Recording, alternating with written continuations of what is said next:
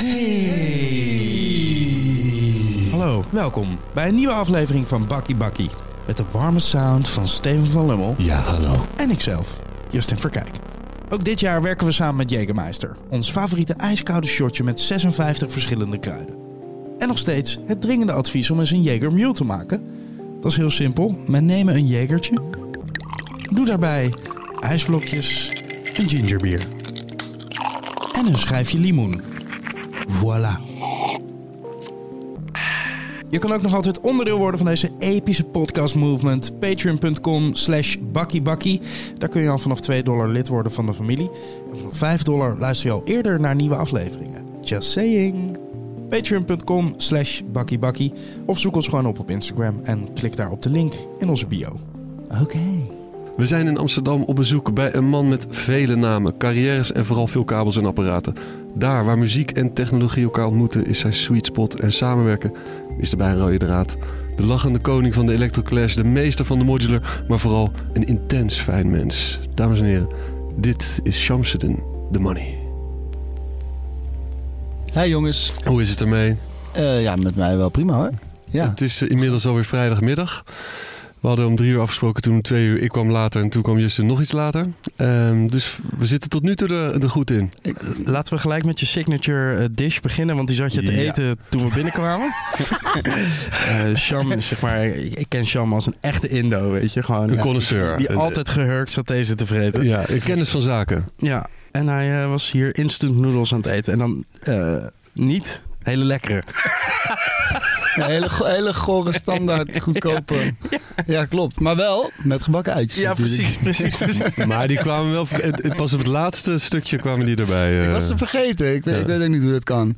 Nee, ja, ik heb geen, eh, niet echt een keuken hier in de studio. En ik kan niet echt... eh, ik heb ook niet echt borden. En ik heb eigenlijk ook niet echt... ja. Maar een keuken is wel het enige wat mist. Verder is er alles. ja, ja, ja nee, precies. Ja. Ja. nee, nee. Dus eh, ja, dan kom je op die fucking noedels uit. Ja, het is niet echt eh, ideaal. Maar werkt wel. Behalve dat er dan beneden ook nog een vegan restaurant is. Ja, die zitten er sinds kort weer in. Dat. Eh, er zat een ander eh, vegan restaurant in. En die zijn na heel veel gedoe vertrokken. En nu zit er eh, net een nieuwe partij die schijnbaar hele goede dingen maken. Maar ik heb ze nog niet gecheckt. Dus hoog tijd. Sham, wat is een, een goed punt om eh, te beginnen in jouw leven? Oeh, ehm, dat vraag je mij. Eh, Ja. dat vind ik, lastig. Vind ik meteen moeilijk. Ehm, geboorte of zo? Ja? Ja, ja, ja. Mooi. Daar, we- daar begon het. Laten we beginnen bij het begin. Waar ben je geboren? Eh, ik ben in Baarn geboren. Mhm. Baarn, je, daar kun je al heel, heel veel aan horen, zeg maar. Er zijn twee mensen, soorten mensen in Baarn. Mensen die zeggen Baarn en mensen die zeggen Baren. Omdat ze bang zijn dat die R er eh, super kakkerig uitkomt. En ik vergeet het dan altijd als ik het aan het uitspreken ben... dat ik voor het tweede had moeten kiezen, zeg maar. Baarn. Baren. Mooi. Nee, eh, Voor de mensen die niet weten waar Baarn ligt. eh, ja, dat, eh, die- ja, een beetje zo eh, naast Soest, Hilversum, net, net niet Gooi is het, zeg maar. Mhm. En ehm, veel kakkers wel. Eh, En wel een, een prima omgeving. ja, heel lekker groen. Hele, hele onbezorgde jeugd gehad daar. Tot, tot wanneer? Want uiteindelijk ben je in Utrecht eh, gekomen, toch? Eh, ja, ik heb tot mijn eh, vijftiende in Baren gewoond. Toen naar Utrecht verhuisd, ja. Ja. Ehm, Tot je 15, dus met je ouders naar Utrecht gegaan. Ja, met mijn moeder en mijn zus. Ah. Ja. Ouders niet meer bij elkaar? Eh, mijn vader is overleden toen ik heel jong was. Ah. Toen ik één was. Toen je één was. Ja, dus ik was, we waren gewoon met z'n drieën thuis altijd. Wat is er gebeurd? Ehm, hij had een eh, nieren die niet werkte. En eh, dat is op een gegeven moment helemaal misgegaan. Stond ook wel op een soort lijst voor ehm, transplantatie, maar dat is allemaal niet. eh zover is niet gekomen. Er is, op een gegeven moment is het met de dialyse verkeerd gegaan. En toen is hij op een vakantie overleden.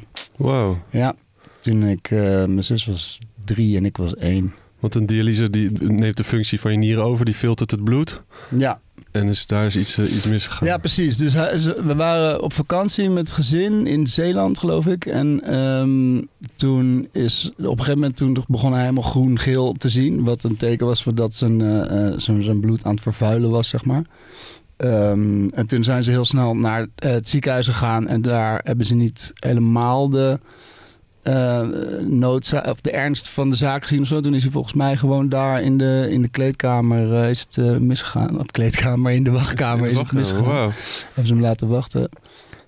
Ja, dus dat is wel best een rot verhaal. Maar dat, ja, daar leef ik wel al eh, 42 jaar mee. Dus dat is gewoon wel inmiddels... Een gegeven. ja, ja. Ja, maar voor je, voor je moeder ook behoorlijk traumatisch. Ja, me super heftig natuurlijk. En dat is ook wel, omdat als ik dan, ik, zeg maar, toen ik zelf de, de leeftijd kreeg van, van mijn moeder toen ze mij kreeg, of mijn vader toen hij, eh, toen hij eh, de leeftijd had eh, dat hij doodging.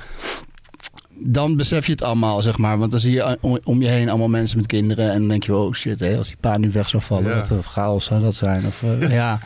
Ja, dat zijn inzichten die je dan pas later krijgt. Van hoe heftig dat eigenlijk allemaal geweest is. Dus ja, eindeloos respect voor mijn moeder dat ze het gewoon in een eentje heeft eh, geflikt allemaal. Ja. En Ja. mis je iemand die je... Of kan je iemand missen die je niet echt, echt hebt gekend? Ehm, dat is een goede vraag. Ik denk... Ik denk niet dat ik zijn persoon kan missen. Ik kan wel iemand in die rol missen, denk Mm. ik. Ehm, zoiets. Ja, hoewel ik ook natuurlijk wel heel erg nieuwsgierig ben naar wie hij was. Eh, en dat, dat, dat beeld, dat, eh, dat moet ik een beetje doen met eh, verhalen en foto's, zeg maar. En ja, het was een goede vent, dat weet ik wel. ja. Ah, dat is al te gek. Ik wil net vragen, heb je, heb je iets van een beeld kunnen construeren? Ja, ja, ja, maar het is ook niet meer dan dat, een geconstrueerd Mhm. beeld. Hè? Het is Mhm. niet per se werkelijkheid of zo. Dus dat, ja. Ja, want als je één, je hebt niet echt meer, een- je hebt niet een, zelf een, eh, een, eh, een herinnering. Nee, nee, en ik ben ook nooit eh, echt... eh, ik heb hem nooit actief gemist, zullen we maar zeggen. Ik heb nooit, ja. nooit dat ik heb gedacht, was je maar hier. Eh, zeg maar. Als je begrijpt wat ik bedoel. Zoals je iemand inderdaad kan missen die je wel hebt Ja, gekend. ja, ja. Dus ehm, ja, het is... eh, ja, wat is dan beter, hè? Ja, dat is een goede vraag. Dat Ja. is echt een goede vraag. Ik, eh, ik denk dat het veel traumatischer was geweest als ik, eh, als ik 15 was en was ineens eh, onder een bus gelopen of zo. Ja, Ju- Justin, hoe oud was jij toen je vader? 21, 22? Nou ja. Ja. Ja, ik, denk- ik denk dat het niet zoveel uitmaakt hoe oud je bent. Ja, het is, ja. Ja, als je één bent, dan... eh, ja. Nou ja, iedereen moet ermee dealen Ja. op zijn eigen manier. Ja, het, kan, het, het een kan net zo traumatisch zijn Ja, als het precies. ander. Ja. ja. Ik denk wel ook dat door het ontbreken van een soort eh, mannelijke energie in huis, dat er heel veel ruimte was voor de vrouwelijke energie, om het maar even dan eh, Mhm. wel zo binair te stellen. En ehm, dat heeft me ook wel weer veel gegeven. Ehm, Je passie voor nagellak. mijn passie voor nagellak, onder andere. nee, dat kwam later pas. Maar wel, eh, nee, gewoon de, de ruimte om eh, ehm, eh, over gevoelens te praten. ehm, oh, om eh, dat emoties er eh, kunnen zijn, weet je wel. Het is, eh, het is natuurlijk sowieso een, een, een beetje een eh, achterhaalde gedachte dat dat, dat, dat eh, alleen voor vrouwen is weggelegd of zo. Maar het, ik heb wel het gevoel dat ik soms als ik met naar vrienden kijk, dat ik denk van, oh ja, ik heb daar wel, eh, ik ben daar wel ontwikkeld in, Hm. zeg maar. En waren er wel andere figuren in je leven die toch een beetje in die rol van vader hebben kunnen stappen? Mm, weinig eigenlijk. Geen Echt ooms weinig. of... Ja, jawel. buurman? Ja, oh, jawel. Ik heb wel ooms, eh, ook wel die belangrijk voor me zijn geweest. Alleen, mm, ja, om nou te zeggen dat die een vaderfiguur zijn geweest, nee, geloof ik niet. Nee, nee, nee. Maar, ehm, dus dat, dat denk ik, daar denk ik wel eens over na. Van hoe zou ik geweest zijn als dat er wel was geweest? Hele relaxed guy. Ja, waarschijnlijk. En weet je wat voor me- is er iets van muziek? Weet je dan? Weet je, had hij een favoriete band of zo? Weet je daar iets van?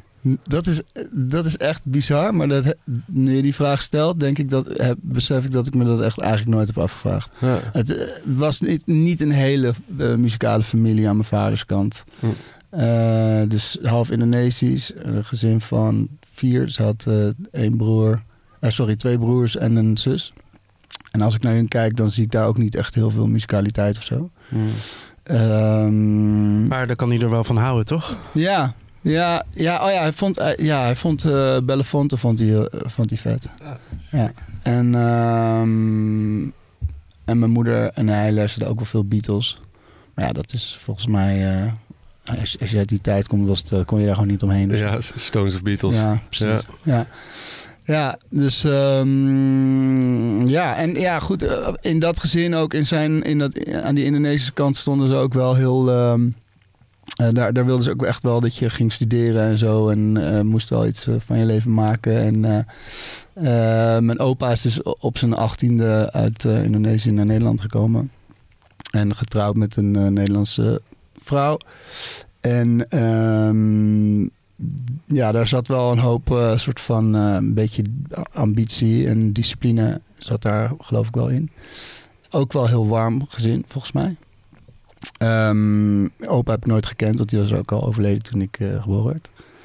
Ehm, en ehm, ja, dus eh, dat, dat, dat zie ik ook bij mijn neven en nichten terug. Dat die allemaal ook universitaire studies zijn gaan doen. En dat, dat zou ook best wel, denk ik, als mijn vader geleefd had, denk ik dat hij daar ook wel op gebrand was geweest. Dus dat zijn ook wel geinige eh, eh, constateringen van, oh ja, ik was wel echt een ander persoon geweest, maar. Want nu heb je En- kunstacademie gedaan. Ja, ik heb van alles. Ja, Design Academy, kunstacademie, vooropleidingen. Ik wilde eerst ontwerper worden, later toch muziek.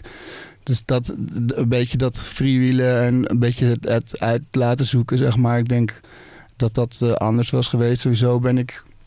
eh, ik zat eerst op het Baarns Lyceum in Baren. En toen we naar Utrecht verhuisden ben ik naar? Baren. Baren.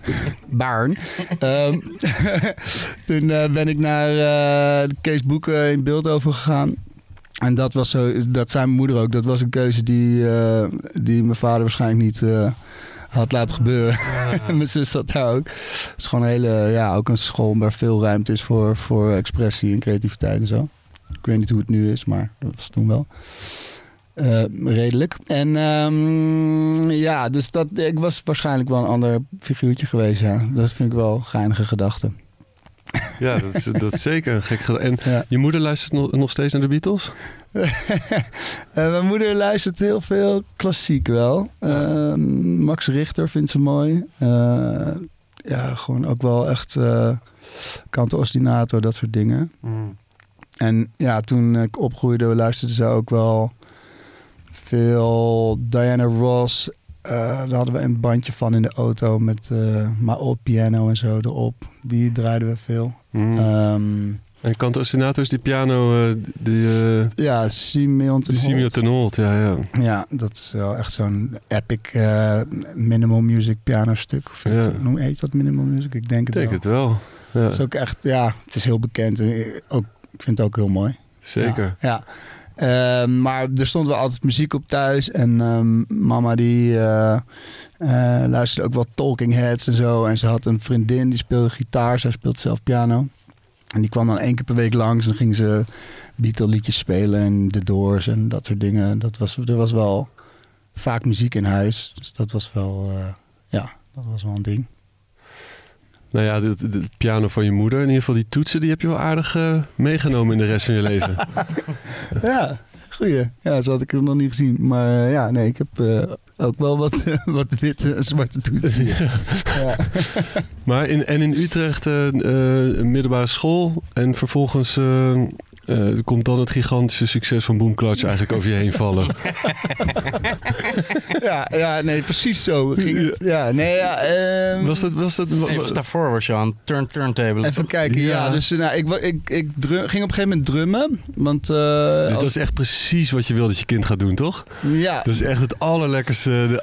Oh, please, oh ik hoop dat hij lekker een drumstel. Oh, dat is zo lekker. nou, dat is het mooie van mijn moeder. Die zag gewoon dat ik er heel gelukkig van werd van op dingen slaan. En dat ik de hele dag toch al een soort van in een soort... Jump, uh, jumpy vibe. Zat. Ja. ja. Dus die, uh, heeft, in, uh, ja, die heeft toen mij eerst een trommel gegeven. En dat, deze heel pedagogisch. Ze had een, wel een heel drumstel gekocht, maar ik wist dat niet. Dus ik kreeg elke verjaardag kreeg ik dan een stukje. En dan, ja, na een aantal jaar had ik dan een drumstel. Wauw. Schrijf, schrijft u mee eh, thuis? Ja, ja, ja, schrijf mee. Ik Dat is, echt heel, dat is echt heel goed. Ja, dat, was, dat vind ik ook wel dat ze dat goed heeft gedaan. Ja, waar ja. zat hij in godsnaam verstopt de hele tijd? Ja, op zolder. Op zolder. Ik moet ook zeggen dat de laatste de twee toms, die vond ik ook Ja, gewoon ja, op zolder. Ja. Oh man, wat een verrassing. Ja, echt zo, hey, hey, je hebt al die hele tijd al een hele kit daar staan. Ja, dus, Ja, ja, ja. Maar ja, ja, precies. Ja, dus eerst, ik weet nog, volgens mij was ik vijf of zo, toen kreeg ik een bekkentje. Dat was helemaal gort geslagen toen ik zes was en de snare en, eh, en toen op een gegeven moment, toen, toen kreeg ik die kick erbij. Maar ja, een kick en bekken. En dus, ja, dus toen zat ik heel erg op die hi-hat. Oh, ik hoop dat, ik van Sinterklaas dit jaar een hi-hat krijg. Nou, dat, tada, daar was hij dan, weet je wel. maar eh, ja, nee, dus dat, toen, toen ben ik gaan drummen, ja. En ik zat, ik zat daarvoor nog eventjes bij de, bij de tamboers, weet je wel. Moest je zo eh, al die marsen oefenen en zo. Maar dat vond ik eigenlijk wel heel stif. En niet zo vet. Maar iedereen die zei dat dat heel goed was voor je techniek en zo. Volgens mij heb ik het nou, misschien anderhalf jaar volgehouden of zo. En daarna, eh, ja, toen, toen volgde er dus een hele periode met bandjes en en muzikale ontmoetingen in mijn eh, of in onze garage die ik helemaal geclaimd had als oefenruimte. Wat gek. hoe, hoe, hoe, heette die, hoe, eh, hoe heette de band? Eh, de, eerste, de eerste band heet. eh, ja, er waren verschillende zonder naam, maar de eerste met naam. eh, heet BZN had jij er een paar. BZN 1, 2 en 3. VZN. Verschillende zonder naam. Nee, eh, nee de, ehm, de Attic heette het, omdat we begonnen op zolder met repeteren. Ja? Een goede naam. Goed gevoel, ja. Ja. Ja, en. ehm, De Attic of gewoon Attic? Nee, Attic. Oh ja, sick. Ja, Ja. Ja daar. Dat werd ehm, later Addict. Nee, dat is nooit gebeurd. Nee, ze hebben me er wel op een gegeven moment uitgebonjourd. Dat was heel grappig. Maar hè, het was op jouw zolder begonnen. Ja, ja, ja, ja. Nee, op een gegeven moment repeteerden we ergens anders. En, eh, ja, en toen ging, wilde ik alleen nog maar rap luisteren. En toen, eh, ja, toen, toen hebben ze me eruit gegooid. Het was echt, voelde echt als een, eh, voelde echt als een break-up. Helemaal slecht gaan. Maar toen was ik... eh, Maar was het, was, was het grunge of... eh, ja, dat was ja. best wel... gr- We vonden Smashing Pumpkins en Nirvana. Ja, en precies. Pearl Jam vonden we sick. Ehm, ja, en even kijken of ik nou nog daarvoor... Nee, ja, dus toen... Dat was inderdaad een beetje toen... De, aan het einde daarvan had ik een soort transitie naar eh, rap. En dat ging eigenlijk een beetje via... eh eh, Red Hot Chili Peppers en eh, Beastie Boys kwam Mhm. ik dan zo toch bij hip-hop uit. Daar heb ik me toen echt soort van jarenlang helemaal in vastgebeten. ja, ja, daar kwam ik, echt oogkleppen op en gaan. Ja. Gewoon tien jaar lang alleen maar dat geluisterd ongeveer. En, ehm, maar dat was wel geinig. Ja, dat, ik, ik was toen 14 of 15. Toen gingen we naar een eh, optreden van Oster Possie in de Tagrijn in Hilversum. Ging mijn moeder, die bracht me daar dan gewoon heen. Ik met zat de in tram 5 en naast me. Wauw. Ja, maar met één vriend, eh, Daniel Bennett, ging ik daar toen naartoe. En werden we daar gewoon door, door mijn moeder gebracht om acht uur en dan om één uur weer opgehaald. En dan, en dan stonden we gewoon op het podium eh, arm in arm met, eh, met Seda, die ik sowieso het coolste vond, want hij maakte alle beats. Zo, IJs, ijsblok was, ja, was erbij? IJsblok, Seda, King en eh Ja, ja. Ja, ja, ja. En, Wat, wat, is een, al die teksten meeschreeuwen en steeds zuiven. Dat, dat was mayhem gewoon. wat, kunnen, we- wat kunnen we nu draaien voor, de, voor de luisteraars? Ehm, ik ging altijd wel heel goed op een track van Seda. Dat hij dat, dat soort heel avontuur dat ze dan eh, gingen ze een bank beroven. Er was een bank en ik stond in de hal. Allemaal onder schot. Ik zei, maak het vlot of ik schiet jullie moedernek is helemaal kapot. Ja, dat is echt... Het is een overval. Sta stil fik knal, het was een bank. En ik stond in de hal. Allemaal onder schot. Ik zei, maak het vlot. Of ik schiet jullie moeder kapot. Hoe heet die track nou? Ehm, We gaan een bank beroven. Eh, hey, sick. Wow, ja, inderdaad. Je hebt zelf een Ja, track gemaakt. die zo Ja, met Abel, ja. Ja, niet. Ja. En Bas, toch? Ah ja, Bas Bron had de refrein gedaan, ja, met de, eh, met de talkbox. Of de vocoder, weet ik even niet meer. Ik wil iedereen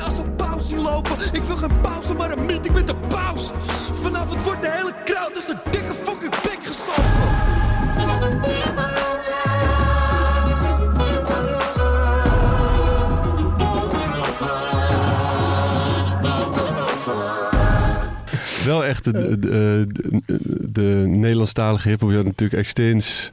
Die ook al... Ja, die vond ik wack. Ja, en die, die, dat ze elkaar gingen dissen. Dat is een van mijn lievelingsmomenten uit de Nederlandse hip-hop Ja, dat geschiedenis. is...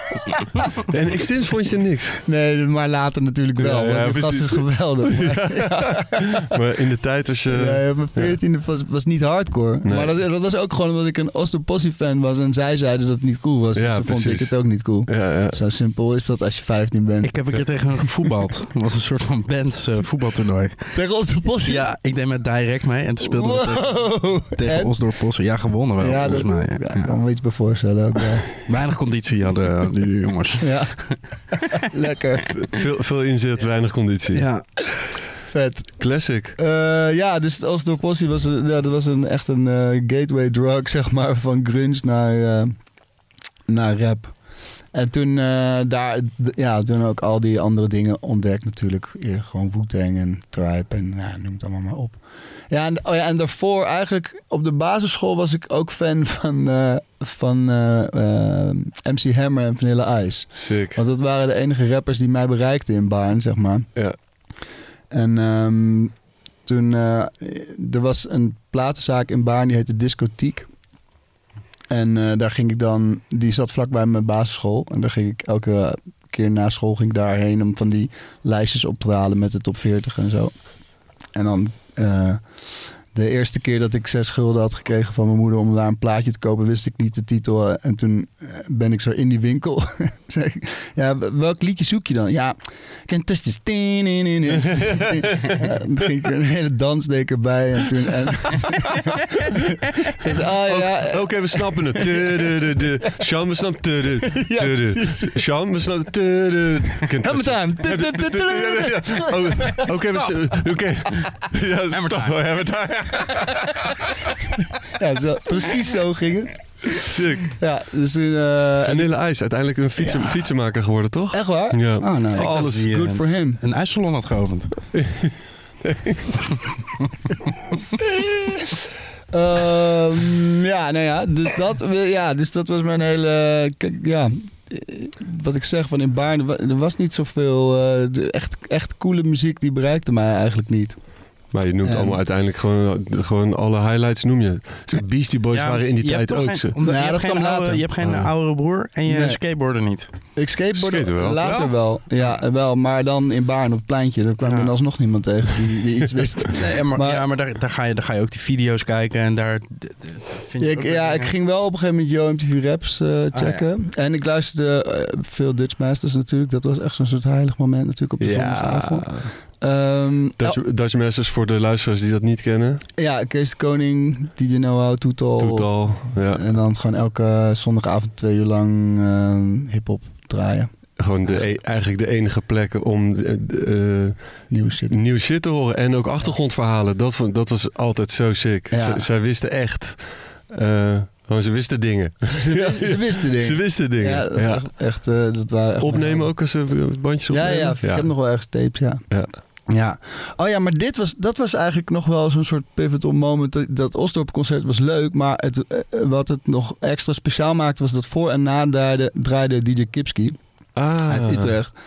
En eh, die was ook al best wel aan het scratchen. En die zaal, ik weet nog, na de show liep die zaal best wel snel leeg. En toen stond ik gewoon, had ik gewoon een uur om naar hem te kijken terwijl hij aan het draaien was, zeg maar, voordat ik door mijn moeder werd opgehaald.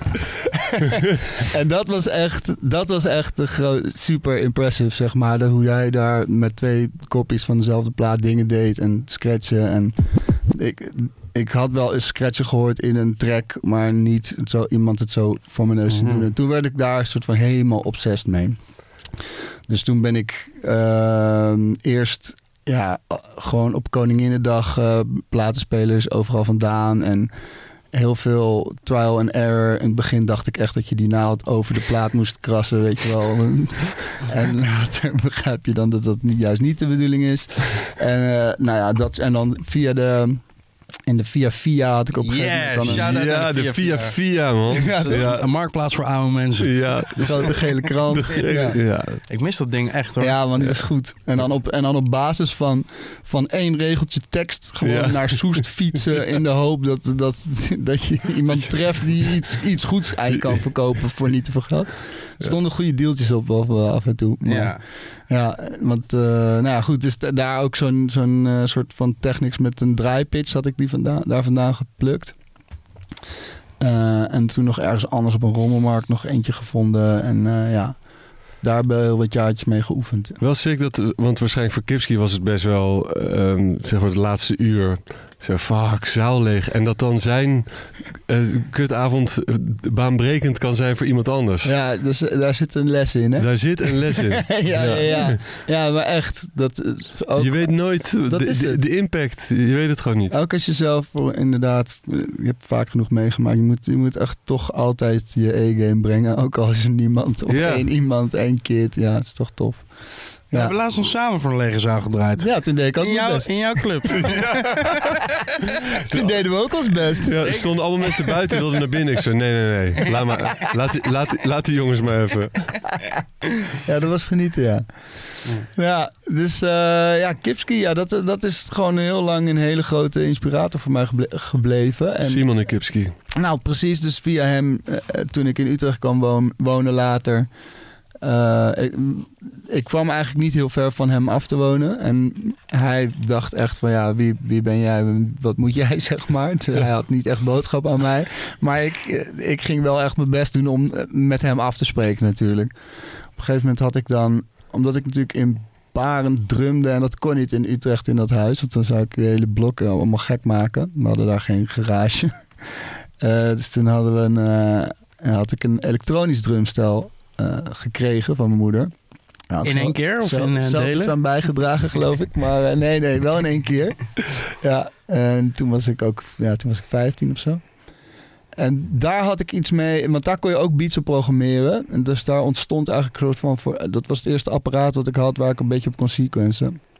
En dat vond Kip ook een heel interessant ding. Die wilde daar ook heel graag een keer op spelen. En toen Ah, had toen had je hem. ingang. Ja, ja, ja. En ook lekker lang wachten ermee. Ja. Nee, nee, ik ben super druk nu in één keer. Eerst even koffie gaan drinken.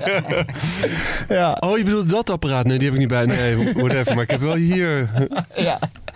ja, en toen met hem eh, een paar keer afgesproken. En eh, ja, ook, ook Simon leren kennen. En zij waren toen met hun eerste, volgens mij al met hun eerste plaat bezig. En ik vond het allemaal heel spannend. Ik wist nog echt weinig van, van, van produceren, maar wel, ja, ik was veel aan het scratchen. Ik had ook, deden ook mee aan die wedstrijden toen en zo. En daar, daar, dat was ook een heel klein clubje. Een soort van Mhm.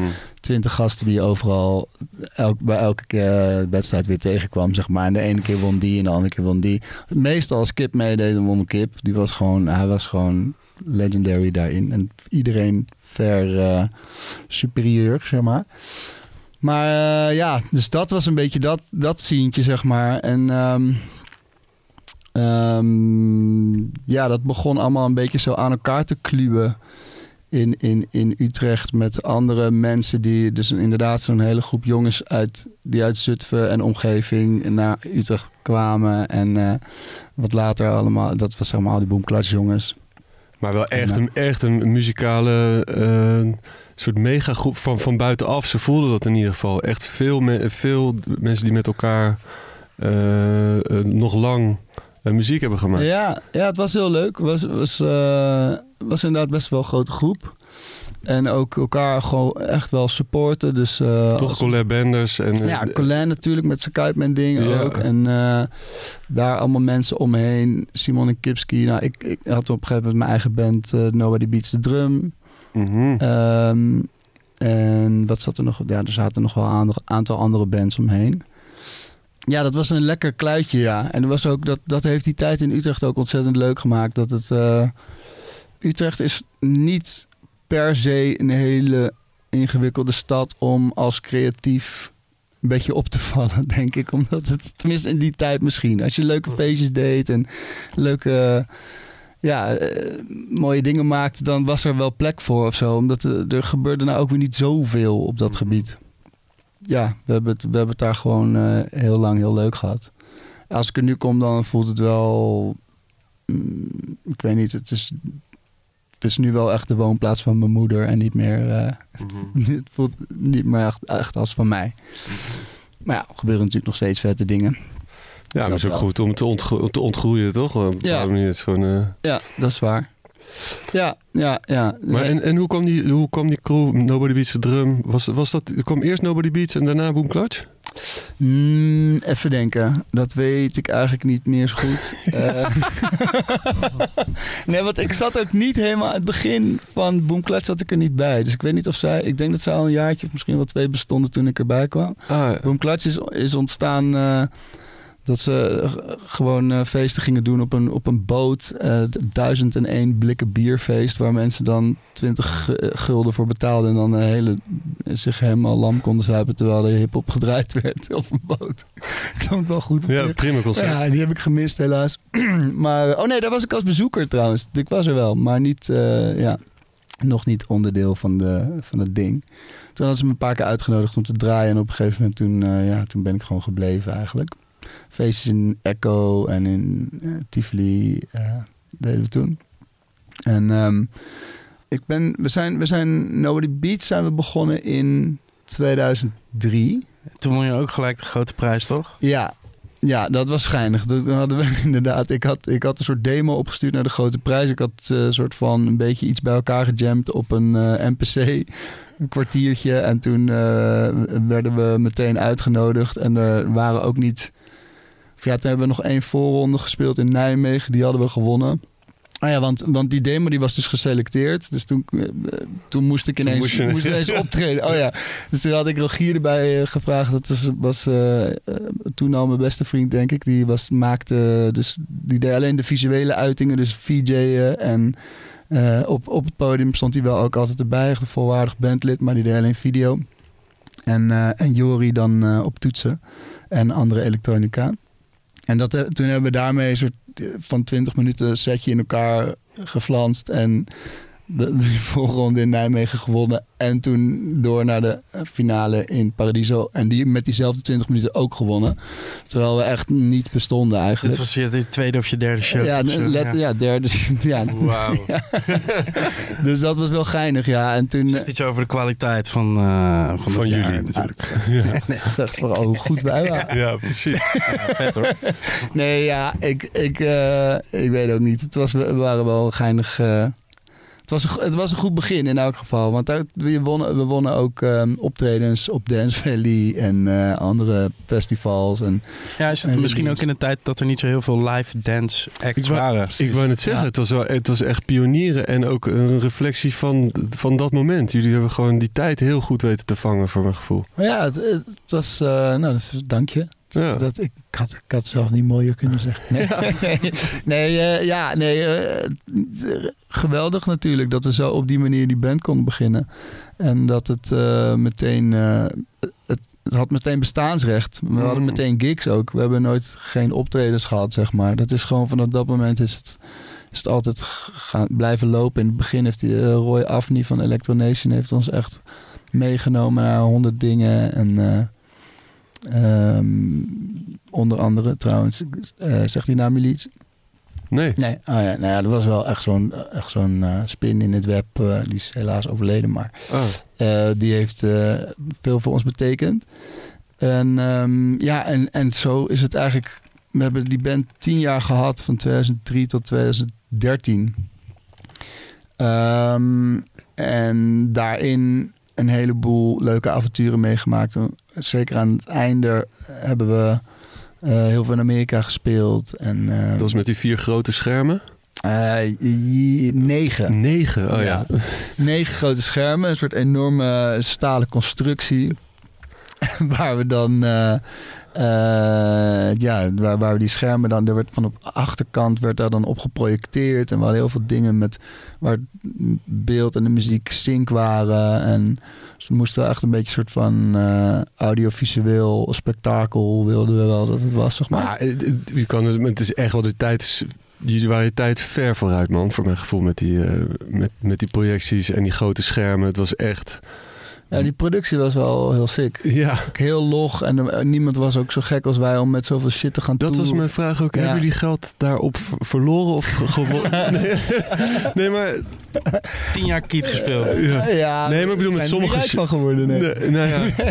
nee, het grappige was dat eigenlijk eh, het moment... eh, nee, we, we hebben het sowieso nooit voor, voor geld gedaan. We, we hebben echt, ook die Amerikaanse tours... eh, moesten af en toe echt wel, eh, ja, gewoon eh, met z'n tweeën in een, eh, in een anderhalf persoonsbed in een motel. En, maar daar, ja, dat is juist te gek met vier man in een busje. En, En waren dat clubshows daar?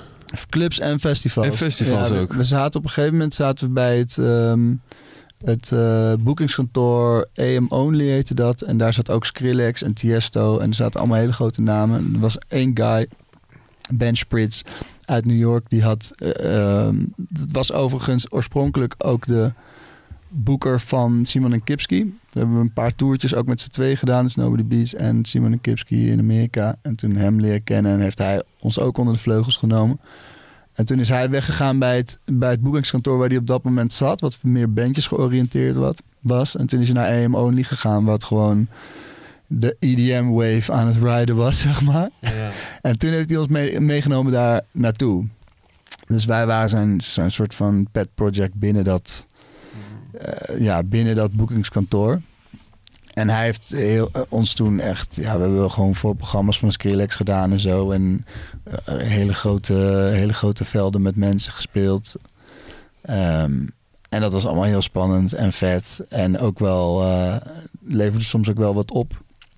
De langste tour die we hebben gedaan was eh tien weken door Amerika. Die begon in New York. En toen zijn we gewoon zo helemaal langs de oostkust naar beneden. Dan oversteken door de zuidelijke staten. Dan west weer omhoog. Canada in, terug. En dan weer Midwest. En dan weer eindigen in New York. Wauw. Gewoon in tien, Tien weken. en toen Ja. was je 25. Nou, en toen was ik al wat ouder. Jawel. Want der- dit, was, der- der- 2000 dit was 2012 of zo, denk ik. Dus dat is nu... eh, Ja, dat is 30 was je dan. Ja, was ik Ja, 30, ja, 30. ja, ja. En, eh, ja, en dat, dat, die, dat, dat voelde wel echt als een soort zegentocht... waarin alles gewoon steeds vetter werd. Maar ondertussen was er natuurlijk ook... Ja, het was echt die, die, die Skrillex-tijd, zeg maar. Dat, dat dat was gewoon de hype-naam op dat moment. Iedereen, het ook gewoon boekers en managers. Alleen maar nu weer, hè? Skrillex, Skrillex. Ja, nu weer. Ja, doet hij goed, ja. ja hij heeft hij slim gedaan. Met een die, soort kakkerlak. ja, ja. ja en, en dus wij werden daar ook heel erg mee geassocieerd. En eigenlijk was dat helemaal niet de sound die wij wilden maken. Wij wilden gewoon een soort ergens tussen, eh, ja, weet ik veel, elektronische muziek en, en, en punk in of zo. Of de, het randje wat Nobody Beats the Drum in het begin had. Dat was op een gegeven moment... eh, Het werd, werd steeds verder platgeslagen, zeg maar. Wij kregen letterlijk mixen opgestuurd van Tiesto. En dat onze manager dan zei van... Doe een keer zoiets, weet je wel. En dan, ja... de- en dat, dat ging op een gegeven moment best wel... Werd dat best wel stroef. En we hadden dus, eh, dus twee managers in Amerika, een boeker. Op een gegeven moment zat er een advocaat bij. Er zat een, er zat een heel team zat er ineens omheen. Waarvan we ook mensen dan maar half kenden. En ja, dat was gewoon niet echt helemaal... eh, dat voelde op een gegeven moment niet meer helemaal hoe het hoort of zo. Mm. Of wat wij wilden. En eh, zij hebben toen een best wel sick contract bij Ultra Records voor ons eh, op tafel weten te krijgen. Sick in verschillende opzichten, want het was eh, ehm, voor vijf albums, voor eindeloze, heel lange commitment, maar ook wel behoorlijk eh, voorschot elke keer. Ging echt ook wel om veel geld. Ehm, waarvan overigens een hele grote slok meteen weer eh, naar dat, door dat management zou worden opgegeten. Ja, die advocaat, ja. Ja, ja, ja. Eh, en dat, dat contract heeft toen ervoor gezorgd dat, dat wij zijn gaan praten als, als band onderling van willen we dit? En ehm, toen kwam eigenlijk eh, volgens mij Jori als eerste tot de conclusie, nee, ik wil dit niet. en, eh, en ik kon ook niet volmondig ja zeggen. Ik vond het, het was, ja, het voelde, het voelde zeg maar als zo'n ding wat je, waar je je hele leven van droomt. En Maar toch, ehm, wat dan misschien net op het verkeerde moment komt, net tien jaar te laat of zo. Want er zat, er zat een Mm. eindeloze commitment aan, ook voor de publishing. Ook als wij uit elkaar zouden gaan en solo dingen zouden gaan doen, dan zou dat allemaal onder dat contract vallen. Ehm, en dat, dat, ja, we hebben toen echt best wel lang. Ik weet nog dat het heel lang voelde. Ik weet niet of het een maand was of een half jaar, maar het voelde in elk geval lang. Hebben En we die advocaat zei dat het een hele goede deal was. ja, oh man. Die, Ja. eh, die zei, die- op een gegeven moment was hij dronken en toen zei hij tegen mij: Just sign the fucking deal. Zei hij soort van. Zei Maar hoe Ja. blij ben je nu Ja. dat je dat niet hebt gedaan? eh, of niet? Nou, dat Nou, weet maar ik dus oprecht maar dat, niet. dat- ik vraag het. Ben je, ben, je, ben je blij of ben je... Ja. de- Ja, dat weet ik, weet ik echt niet. Ik, Nee. ik, het, het is ook best irritant om je eh, de rest van je leven te denken: what if, weet je wel? ja, ja, ja. En eh, dat, ik heb het inmiddels wel losgelaten hoor. Het is, eh, ik heb helemaal vrede mee met hoe het is gegaan.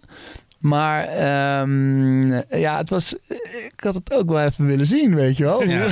Dus als, als Jori niet eh, gelijk nee had gezegd, dan, eh, dan, ha- eh, dan had jouw ja volmondiger geweest. Ja, denk ik wel. Denk ik wel. En, maar maar toen Jori nee zei, toen zei Rogier ook nee. En toen, ja, toen was het heel snel klaar. Alleen het, wat het allerstomste er eigenlijk aan was, was dat we... Somebody needs a drum. Oh my god! Je had het gewoon solo moeten doen, man. Bel op. We gaan het nu. We gaan. Wij gaan mee. wat, vooral, eh, wat er vooral stom aan was, was dat, dat de conclusie was van als we nu dit contract niet kunnen tekenen, dan ehm, hebben we eigenlijk ook no business om nog samen muziek te maken. Want dan eh, is die commitment dus blijkbaar niet daar.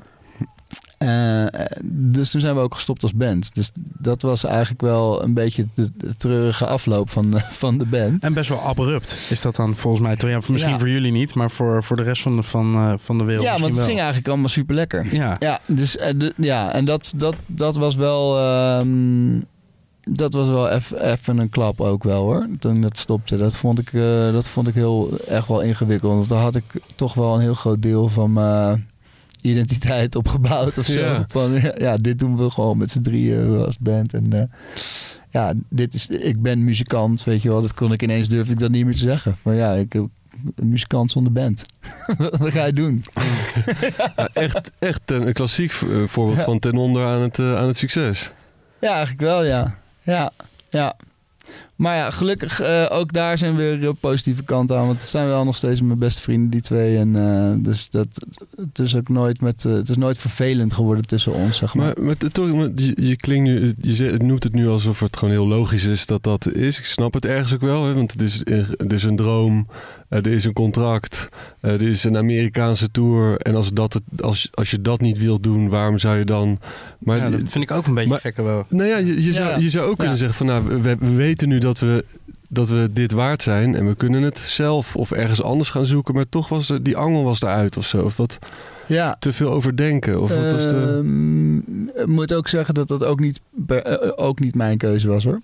Ik had best bij elkaar willen blijven. En ik, ik, volgens mij zei ik zelfs zoiets van... joh, eh, Nobody Beats the Drum is eh, whatever the fuck wij ervan maken. Ja. Dus als we nu weer gewoon kleine zaaltjes gaan spelen of eh, weer terug in de studio. la- Ik vind alles best, maar nee, het, zij kwamen een beetje tot de conclusie dat het, eh, dat het niet meer ging voor hun. Ja. Ja. Maar we zijn nu tien jaar verder, dus het, Ja. het is de perfecte tijd voor een, een klein reunie. Een reunie, dat wilde ik ook wel zeggen, ja. Dat is leuk dat je dat zegt. Ja. Gaan we niet doen. Everybody beats the Nee, drum. nee grapje. Nee, we, we, zien elkaar niet zo vaak meer echt met z'n drieën. Maar dat gebeurde op Koningsdag eh, dit jaar, in april. En toen ontstond dit idee ook. Hebben we een primeur? Eh, eh, ja, nou... Ah, het is ja, een idee. moet- het is een idee. We moeten het nog doen. Dus ja. Nou, een klein beetje commitment. Ik heb hier zo'n contract. Kane is ook weer bij elkaar. Echt waar? Ja. Kane, Ja. hoe werkt dat? Ja, hoe, hoe zie je dit voor? Die zijn met z'n tweeën. The rain, nobody beats the nobody. Rain. Nee, maar meer van eh, Shout-out Dennis trouwens. sowieso. Ik heb hem gezien nog van de week even. Ja, Ja. leuk. Ehm, ja, de wonderen zijn de wereld nog niet uit. bedoel Nee, ik. dat is waar. Nou ja, kijk, eh, ja, op zich, maar dan vind ik, dat- dus we hebben het hier over gehad. We zeiden, we we gingen vroeger altijd naar een soort kleine huisje in eh, Frankrijk van de pa van Jori. En dan gingen we daar eh, een week lang zitten en dan helemaal vol pleuren met gear. En dan hadden we daarna heel veel muziek. En zo zijn de eerste twee albums ontstaan. Eh, dus het idee was om dat ook weer een keer te doen met z'n drieën. Mm. Voor het einde van het jaar. En daar dan een EP'tje uit van te maken. Maar echt spelen weet ik niet hoor. Dat, dat, is, weer een, dat is weer een volgende stap. Maar sowieso doen. Oké, nou Zo- doen we dat zo- ook. zo- sowieso. Nee, maar niet zozeer Nee, niet- spelen. EP, maar, gewoon ja. in ieder geval eh, eh, Dat huisje in. dat huisje. ja, dat huisje moeten we Dat is toch de beste manier. In zo'n Ja. capsule in elkaar duiken. En dan kijk je wel. Nog ineens met het... En- allemaal tien jaar verder. Ja, Ja, en geen, geen, geen eh, no pressure. Misschien komt er niks uit, misschien wel. maar het zou natuurlijk wel leuk zijn. Logisch. ja, Ja. ja. ja, Nee, Voor de zekerheid persfoto's maken.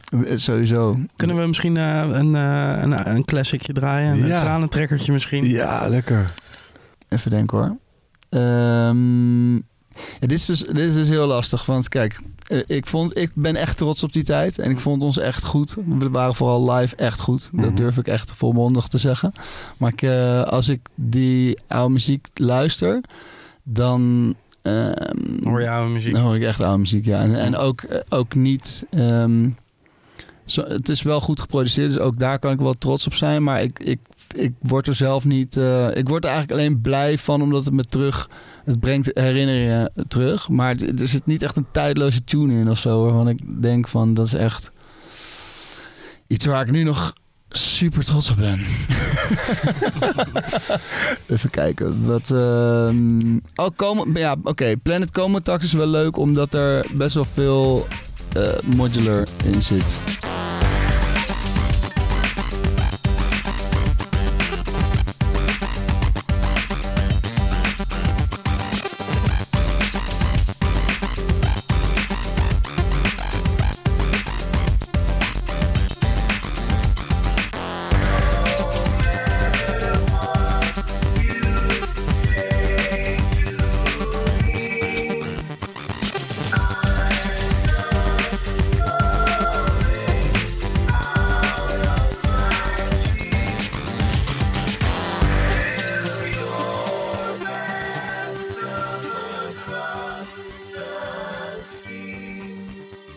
Dat was eigenlijk ook onze eerste... Toen zat ik op de HKU en toen heb ik nog de modular van de school... eh, hebben we daarin in gebruikt. Ja, want dat was eh, de volgende rat hole waar je in bent gedoken. Ehm, ja, maar kwam dat, ik, dat kwam niet echt meteen daarna hoor. Even denken. Daarna meer draaien of niet? Of dat is... Ja, ik zit even... Show me the money werd je toen, toch? Ja, ook. Ja, oh man. Eh, eh, ja, het is een beetje qua timeline. Een beetje, moet ik even een beetje het overzicht proberen te houden. Want ja, want ik, eigenlijk heb ik het nog nauwelijks over Boom Clutch gehad. Maar dat, dat was inderdaad een beetje, ging een beetje tegelijk op met eh, Nobody Beats. Daar ben ik toen wel in 2011 of 12 uitgegaan. Omdat, omdat we toen zoveel naar Amerika gingen. Met eh, eh, Nobody Beats. Maar ja, dat was ook gewoon jarenlang feestjes geven. En ja, dus ga ik even weer een beetje terug in de Mm. tijd. Naar, wat Mhm. is het, 2004, 5 of zo. Dus eh, klein begonnen in Echo en op een boot. En later... ehm, toen draaide, in het begin draaiden we ook alleen maar hip-hop trouwens. En toen op een gegeven moment toen kreeg kregen we niet meer zo superveel energie van, eh, van de hip-hop platen die uitkwamen, zeg maar. We vonden het gewoon een beetje te, eh, ja, een beetje te, te tam worden of zo. Dus toen gingen we het een beetje in andere tunes zoeken. En dat kwam eigenlijk weer zo via, eh, weet ik veel, Monsieur Oiseau en Daft Punk kwam dat Mhm. in die hele, in die hele bloghouse eh, vibe eh, kwam, kwamen we terecht. En dat, dat is ook niet bepaald tijdloze muziek, maar, Maar het sloeg wel aan. maar het ging wel lekker. Ja. En, eh, oh, en ehm, toen stonden we ineens op Lowlands in 2007, geloof ik. En dat, eh, ik weet niet of die eerste keer nou Bravo of India was, maar dat, dat, eh, dat was gewoon echt een soort van, hè, wow, ik wist echt niet dat, eh, dat dit kon, zeg maar. Maar dat, dat kwam een beetje uit de lucht vallen. Dat, dat, dat wat kon? Dat je ineens op Lowlands staat als je gewoon een beetje plaats staat te draaien in de Ah. Echo dan, eh, of in Tripoli. zeg. Dat, dat dat kan? Of, of ging het ook over de reacties van de mensen? Dat, dat, dat je... Eh, Ja, nee, nee, meer gewoon die, überhaupt dat die boeking kwam. Ah. Ja, ja, dat was gewoon, dat voelde gewoon heel ook surrealistisch. Ehm, en, maar dat ging, dat ging heel lekker. En dat ging in die, die dat, ja, we zetten gewoon wel toen de tent goed op zijn kop. En daar, dus toen kwamen er inderdaad heel veel, ehm, eh, heel veel shows eh, eh, achteraan. En een paar jaar lang gewoon echt eh, alle festivals en ehm, volgens mij hadden we op een gegeven moment deden we 150 shows per jaar of zo. En dan daarnaast ook nog. En ik moest dan, eh, vaak stond wel op een festival waar Nobody Beats en Boom Clutch stond. En dan daarna met de auto snel ergens anders heen. Een soort van, een soort van eh, heen en weer vliegen. Dat voelde wel echt eh, alsof we het helemaal gemaakt hadden. Gewoon.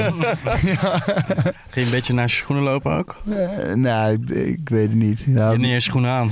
ik, hou- eh, ja, ik weet niet. Ik, nou, ik heb wel eens gehoord dat, dat, dat, dat men ons als groep heel arrogant vond. En dat, dat deed me echt wat. Dat vond ik echt niet vet om te horen. Want dat, was, eh, dat, eh, dat probeer ik juist altijd echt in de gaten te houden. Dat je... eh, ja, je maak maar, ben maar aan het draaien, weet je wel. Je kan op het podium wel heel erg in je moment eh, zijn misschien, maar verder vind ik het wel belangrijk dat je gewoon een benaderbaar, leuk mens bent. zeg maar. Ja. Ja, gewoon. Dat is eigenlijk wel een soort regel die ik probeer te handhaven. Gewoon don't be a dick, zeg maar. Ja, ja. Dat is een prim- prima Ja. regel. Toch? Lukt Ja. bijna al. Het is bijna altijd. Ja. Ja, soms voel je ook, oeh, nu ben ik toch die grens over. Maar, dat mag nu misschien en, even. En dan, dan bied jij ook eh, graag je excuses. Ja, wil je hierheen? Wil je hierheen? Nee, helemaal. Leg toch maar even uit. ik was er niet bij. Ik heb, dit, ik heb het alleen maar gehoord dat, Ja, er, dat er een via- situatie was waarin Shams excuses aanbood. Ja, Dat op een gegeven moment dat nog vervelender werd dan wat hij wat hij had gedaan waarvoor hij zijn excuses iedereen heeft er toch over gehoord. Dus je Ja. nee, Ik wil het wel vertellen hoor. Zo boeiend is het nou ook weer niet. nee. was met Abel. Daar hadden we het al even over, toch? Ja. Eh, Down the Rabbit Hole. Oh ja, het begon eigenlijk allemaal dat ik eh, een, een show deed eh, daar. Of eh, gewoon live spelen in mijn eentje als Shamsuddin. ehm, met een, drummachine en wat loops en de modular. En dat ik het podium opliep en tegen mijn manager zei... Ja, ik speel wel jammer dat ik maar drie kwartier speel. En dat hij zei, nee, je speelt een uur en... en, en een uur en een kwartier of een uur en, een uur en drie kwartier. Ik weet niet, lang in elk geval. Nee. En dat ik helemaal in een soort paniek. En, maar jij was toen daar ook, Steven, de, Ja. de host van die stage. En jij ging alles soort van hele tijd ophypen. En ik, zat, ik had echt meerdere paniekaanvallen. maar maar dat- ik had ook zoiets helemaal heel stif ook voorbereid. Van ga ik naar dat nummer en dat nummer. En eigenlijk gebeurde er toen wel iets siks. Namelijk dat ik gewoon ging improviseren. En dat, ja, dat ging... Dat ging gewoon wel goed eigenlijk. En jij was ook, jij was echt ook heel fijn dat jij erbij was. Want elke keer als het, als het even niet dreigde goed te gaan, dan ging jij weer heel hard iets doms schreeuwen in de mic. En, Niks voor mij. en de rookmachine heel veel aanzetten. Dat was ook heel goed. En het licht was ik aan het regelen. het licht, je was Ja. alles aan het doen. maar dat was wel een van eigenlijk een van de leukste shows die ik ooit solo live heb gespeeld, zeg maar. Dus eh, met gear op het podium. En eh, het publiek ging helemaal mee. En eh, nou, ik kwam ook van het podium af. Adrenaline giert door de aderen. Ja. En, eh, En toen? En toen? Ja, een beetje rondlopen op festivalterrein. Op een gegeven moment ergens achter eh, backstage gekomen bij de Wilde Haren Stage. Dat label of iets van Jiggy J. Daar kwam ik eh Pepijn tegen Abel. dus Abel, Hang Youth Abel. En ehm, ja, dat was gewoon eh, gezellig natuurlijk. Eh, meteen. Eh, biertjes drinken, superleuk. Even kijken waar we nu... Hoe ga ik... Ja, Oh, nu weet ik het in één keer weer. weet je het weer? Ja, die, gewoon in dat tentje Was daar. Ja, gewoon daar? ik was daar zo. Oké, ja. ja, ja nou kijk, dus, dus er zijn dus festivals die hebben dan eh, voor mensen die even voor mensen die niet eh, veel backstage komen. eh, normaal heb je zeg maar achter staat gewoon een koelkast, pak je een biertje, drink je het op, ga je weer naar de koelkast, pak je een nieuwe. Je vraagt, je vraagt netjes, mag ik een biertje pakken? Nou, Soms kan dat dan. Ja, maar er zijn ook festivals en die hebben dan een ketting om de koelkast heen met een slot erop. Ja. En daarmee degradeer je dus je, je, je, je stage manager die gewoon bezig moet zijn met bands het podium optrappen en iedereen naar de zin maken. Degradeer je tot een soort tweede rangs kantinemedewerker. En je, je degradeert je artiesten tot een soort peuter op een kinderfeestje die vragen: mag ik nog een beetje limonade? En nou, wij, wij waren die peuters. En Abel was vooral helemaal klaar met dat slot op die koelkast. En die neemt op een gegeven moment een aanloop om het slot eraf te schoppen. Eh, nou, dat werkt dus niet. Nee. Eh, maar die, die koelkast die stond op een soort verhogingje. Daar viel die van af. En er stonden ook in een soort tent. En die koelkast die viel tegen die tent. Waardoor die tent ook ineens helemaal scheef. Dus het was gewoon met één soort schop. Was het één grote Ja. geworden. En eh, er, ja, er liep daar een stage manager rond. Die, eh, een meisje die eh, ehm, eh, ehm, ook iets met wilde haren te maken had. En ja, die, die freakte hem gewoon helemaal uit. En die, die ja, op zich ook niet helemaal onbegrijpelijk. Die was verantwoordelijk voor Ja. het hele verhaal. Dus die voelde dat, dat, dat- een, klein, een klein hoekje. ge- Dat, Ja. dat, is, eh, Ja, was, dat wa- dat was voor haar niet zo leuk. nee. en, was eh, David Funk aan het draaien toen? eh, dat weet ik niet meer. ja. Nou ja, in elk geval is Abel, Abel is toen van het terrein afgegooid. En ik ben gewoon een soort van daarna tien minuten weggegaan. Van, nou oké, eh, hier is het ook niet meer leuk nu. Ja, ik, ik krijg geen bier meer, dus ik ga weg. Ja. Ja, dus toen- toen ben ik eh, gewoon eigenlijk mijn weg gegaan. En ehm, eh, prima naar de zin gehad eigenlijk, best wel verder. Totdat ik eh, de dag later eh, jeugd moest doen optreden eh, op de mainstage. En was met hun een beetje aan het hangen. En eh, toen kwam eh, de, ieder de festivaldirecteur, die kwam eh, mij opzoeken. En eh, ja, eh, die had ook Jiggy J bij zich. En de, ja, wat ik eh, had gedaan, dat kon echt niet. En eh, ja, dan kreeg ik een heel verhaal. En toen moest ik sorry gaan zeggen tegen dat meisje. Dat wilde ik best doen. Want ik vind ja, vind het niet leuk als iemand zich zo rot voelt. Dus nou, ik zo braaf achter die jongens aangelopen naar haar toe. Mijn excuses aangeboden. Ehm, maar vervolgens is de hele dag iedereen die ik tegenkwam... Ja, Sjan, wat jij hebt gedaan kan echt niet. Maar echt gewoon van Kostijn tot, dus tot weet ik veel... st- stage managers van andere podia. Eh, Iedereen, ze hadden blijkbaar een overleg gehad... waar het Maar meisje jij had het geld- niet eens gedaan. Ik had niks gedaan. Nee. Dus eh, ja, goed. Volgens. ik, ik, ik had ook niet echt geslapen die, die nacht. Dus toen. Toen, eh, toen was, ik, je stem was ik mijn stem kwijt. Dus, dus, eh, ik was zo moe van al het sorry zeggen. dat ik gewoon met een stift had ik gewoon mijn borst zo. Sorry, geschreven. Dus elke keer als iemand iets tegen me zei, wees ik gewoon zo naar mijn borst. Oh, ik was het alweer vergeten. Ik niet. Wat Heerlijk was Ik was hier niet bij, maar ik heb het Oh, gevoel dat ik, dat ik het allemaal nog een keer meemaak. Maar ik heb, ik heb dit Ja. verhaal een paar Nou keer ja, gehoord. Nogmaals, sorry meisje van wilde haren. Heel vervelend verhaal en voor haar. En tegelijkertijd, je organiseert een festival en er, er, er valt Ja. een koelkast om. Ja. Ehm, Ja. de- ja, er zijn ook ergere dingen in de wereld. Ja, ik denk dat het een, eh, ik denk dat het een climax was van een zware dag. Precies. Daar backstage. En het is ook altijd lekker om, om eh, je Een koelkast om te schoppen. om je, ja, en, en- en- ja, en om je pijlen ergens op te richten. Ja. Ja, misschien. Ja, ja, Ja. ja. Anyway, ehm, gewoon een goede tip aan eh, festivalorganisators. Geen, doe geen slot in je koelkast. Het is gewoon, eh, ik snap het niet. Dat- Ja, maar bij grote festivals lopen er ook heel veel mensen die er niet zo heel veel te zoeken hebben. Dus als iedereen deed Zet dan een bar neer. Ja, Ja. ja. Ja, Zet is- hem- toch? Ja, het is allemaal... Maar goed, oké, nu lijkt het net alsof ik Ja. hier heel, echt heel erg een mening over heb. Ja, of, of weet ik wel, haal die hele koelkast weg, kan mij iets schelen. Bring your own Tap neer. Tap. Ja, Oh. Eh, dat, ja het- ik, ging, ik zette dat laatste eh, weer eens eh, online. of tenminste, er is een foto dat ik met die sorry op mijn En dus had ik, eh, dus had ik het de Sorryversary genoemd. Eh, maar omdat het vijf jaar geleden was. Alleen eh, toen zei Fanny natuurlijk, ja, anniversary. Dat is echt veel beter. Voel ik me meteen weer heel dom dat ik dat niet had Wat, gedaan. wat, goed, wat goed zeg. Ja, Maar dat kan je dan over vijf jaar weer doen, Ja. toch? Ja. Of over 2,5. Het is vandaag precies 7,5 jaar geleden.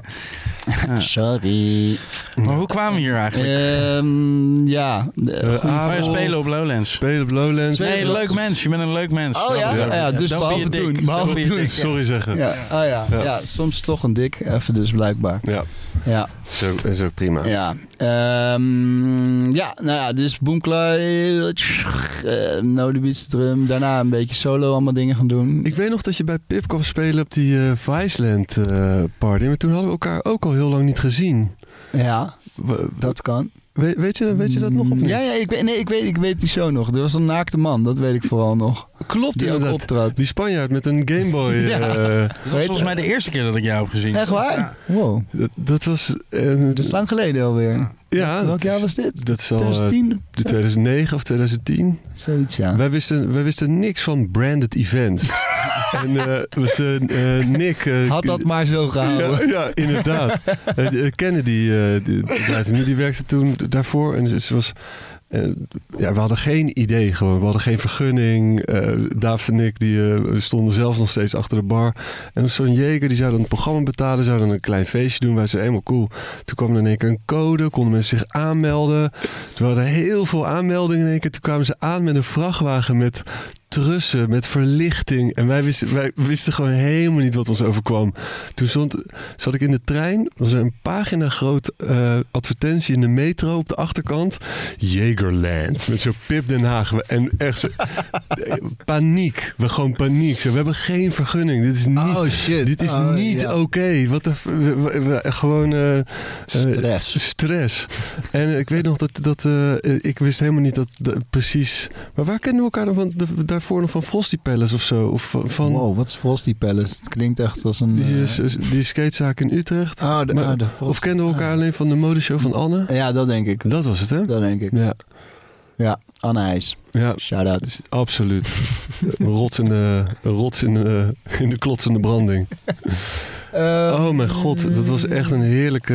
Jij was er ook, Jus?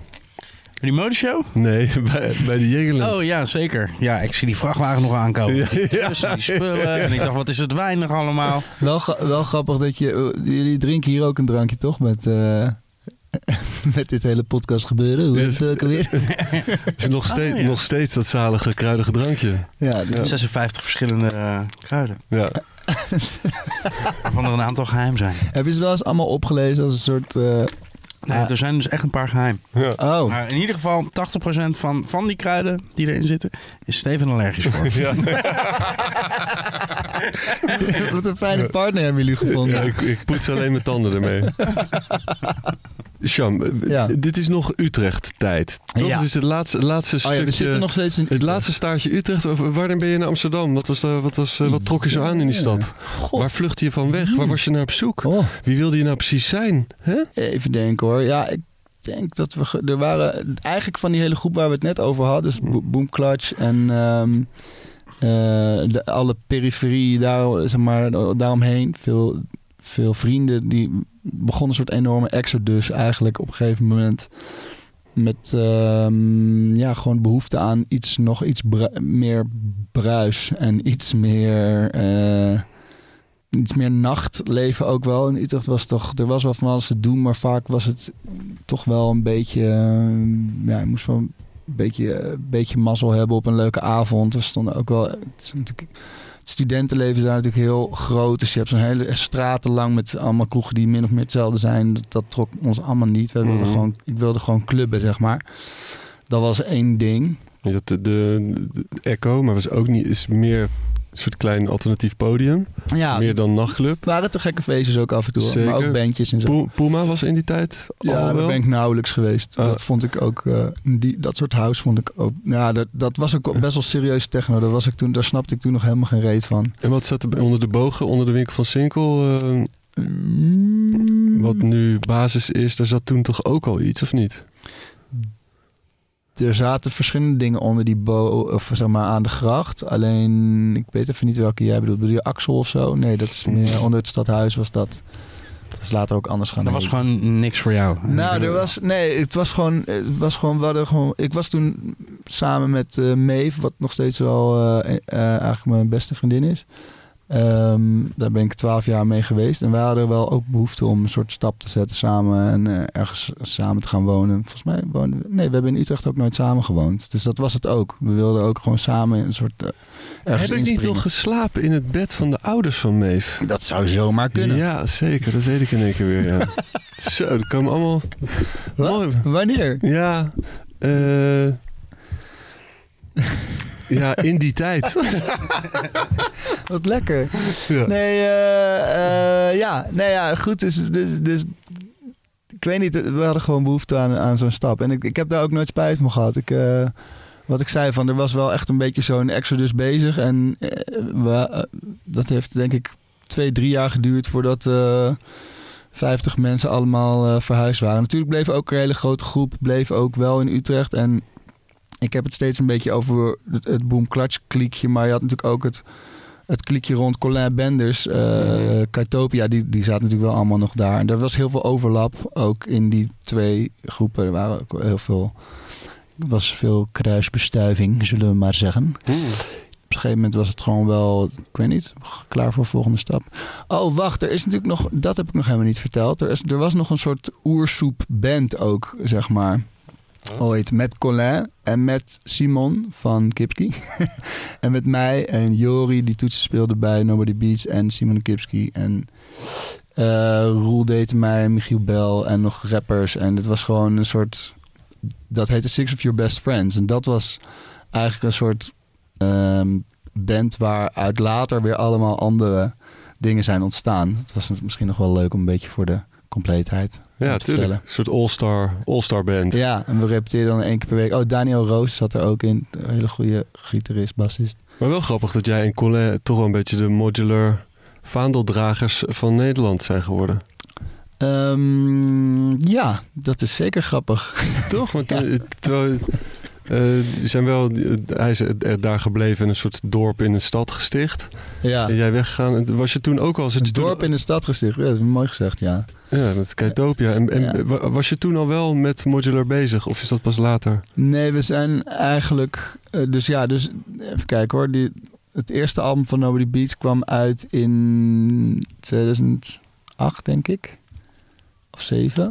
En daar stond al wel een track op waar we dus die eh, modular van school eh, voor hadden gebruikt.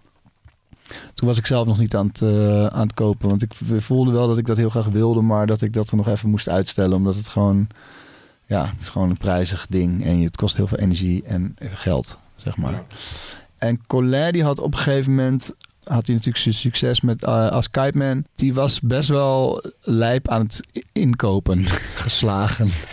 die had, er was echt een belastingmannetje dat tegen hem had gezegd: je moet nog zoveel uitgeven en eh, en die was helemaal losgegaan. En dat was eigenlijk net voordat het ehm, eh, voordat modular zo populair werd als het nu is. Er is op een gegeven moment zo'n hele boom is er gekomen, maar hij was daar net voor. Toen heeft hij heel veel gekocht en hij wist ook helemaal van heel veel dingen Hij niet. kreeg alleen maar vogelgeluiden eruit in het begin. Is dat was verteld, ja. Ja. hij wist eigenlijk niet wat hij Heel had. lang voordat hij er een normaal geluid uit En ja, ja, het heeft ook heel lang gewoon gestaan. En ook nauwelijks, dat het ook nauwelijks iets deed. En ik ben ook wel eens bij hem langs geweest dat we er dan een beetje mee gingen kloten. En dan, dat was nog niet die super sonische setup die hij nu heeft hoor. Maar hij had wel heel veel modules en dat zat allemaal een beetje in een soort gek houten rek. Zat het allemaal bij elkaar. En het, eh, ja, ik, ik was ook nog niet ver genoeg dat ik kon zeggen van... oh, dit, dit, dit, ga ik je even allemaal uitleggen. Dus dat is... Maar dit is eh, ik denk eh, een beetje rond dezelfde tijd ontstaan... dat ik op een gegeven moment ook een klein setupje ben gaan kopen. Ook aangestoken door Koen Beyer. Die komen misschien ook nog even op. Zo, die, dat eh, ook weer een soort mentor-achtige vriend... die vaak net iets, iets verder was dan ik. Ehm, ja, dus dan een beetje samen daar eh, dat, dat dat, dat modular pad gaan bewandelen, zeg maar. Een beetje heel veel over gaan lezen. En heel veel uitwisselen en eh, dingen gaan proberen. Dat was, eh, dat was wel leuk. Colin wist ook helemaal niet wat hij ermee wilde maken eigenlijk. Hij, eh, had het gewoon allemaal gekocht. Hij, hij, wist, hij wist het niet. Maar even, even een stapje terug, want eh, er zullen, er zullen een hoop mensen eh, precies weten wat een modular synth is. Oh ja. Sommige mensen misschien niet helemaal precies. Een systeem wat bestaat uit modules. Dus een, eh, je hebt ook eh, een modulaire bank bijvoorbeeld bestaat uit een hoekstuk en een rechtstuk en een poef, weet ik veel. Een eh, Ja. modulair systeem in het eh, geval van een, een, een muziek. eh, instrument is een, is een systeem wat bestaat uit losse modules. En het ene module eh, wekt klank op en het andere ehm, manipuleert de klank, ehm, de toonhoogte, de, het timbre, het volume. Je kan al die parameters kan je zeg maar tweaken met verschillende eh, kleine apparaatjes die je allemaal eh, aan elkaar knoopt door middel van eh, patchkabels. Noedels. Ja, Lekker Ja, noedelen. dat kan. Ja, het zijn, het zijn zeg maar, het ziet er heel abstract uit, omdat je dus geen, geen, geen klassiek piano toetsenbord ziet. Eh, en wel een soort hele, hele grote bak met heel veel knopjes en heel veel kabeltjes eruit. Dus mensen zijn vaak een beetje door geïntimideerd. Maar als je de.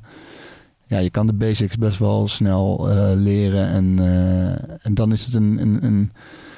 Ja, elk instrument dat je kan bedenken ongeveer. Hm. Dus het kan een, het, je kan het eh, ehm, configureren als een, eh, ehm, als een effectenbak met, met delays en galmen en distortions. Of je kan het helemaal aan de creatiekant eh, eh, een soort lijpe soundscape machine van maken. Of een, eh, of een drummachine. Of eh, ja, het is, het is maar net wat je bij elkaar zet en, en hoe je die dingen configureert. Wat voor functie zo'n systeem krijgt, zeg maar.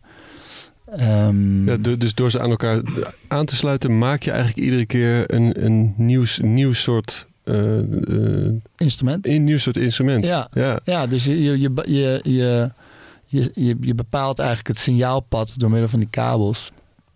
En ehm, eh, ja, dus ik, ik, heb soms ook, ik ben nu, moet ik eerlijk zeggen, even wat minder aan de leerkant eh, op het gebied van de, van de modular. Maar ik ben, eh, soms dan is het even heel hevig en dan kan ik echt dromen hebben over hoe ik het moet patchen en of ideeën van oh, als ik nou die twee dingen bij elkaar zet en dan zo, zo aan elkaar knoop met kabels, dan gebeurt er vast dit.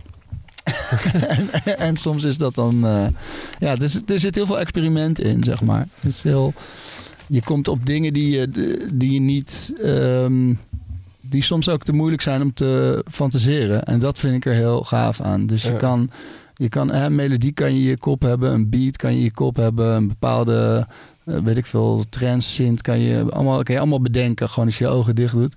Maar soms dan ben ik op dat ding een half uur aan het kloten en dan komt er een soort ja, gekke loop uit die eh, half soundscape, half galm die in en uit eh, golft. En, eh, ja, noem het allemaal op. Het is gewoon ehm, iets wat, je, wat veel moeilijker is om te, te bedenken.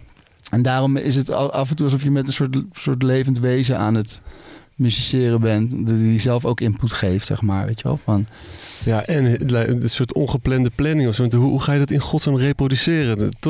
Ja. Neem je foto's iedere keer van ik heb het zo gepatcht? Nee, als het echt goed is, dan moet, je het, moet ik het opnemen. En anders dan. eh, anders dan. eh, Dat is de, de hele filosofie over elektronische muziek maken is daar ook mee veranderd. Het is meer van als ik dat je het vertrouwen krijgt dat, dat het de volgende keer niet hetzelfde is, maar wel ook vet. Ah, Dat is wel tof ja. Ja. Dus. maar. het vertrouwen hebt dat het niet hetzelfde is, maar, maar wel gewoon vet. ja, Ja. toch? Want het Ja. gaat nooit meer exact zijn zoals je het op dat moment hebt. Maar je, kan, je weet wel dat als je min of meer diezelfde stappen volgt, Ja, dat, het- dat, er, dat er iets uitkomt wat, wat bruikbaar is. Eh, maar dat is, ja, dat, je kan het ook eh, veel, ehm, veel minder aan het toeval overlaten in, in, ander, als je het anders patcht. Dus je kan het ook simpeler maken, zeg maar. Voor, ik bedoel, live wil je dat natuurlijk niet, dat je...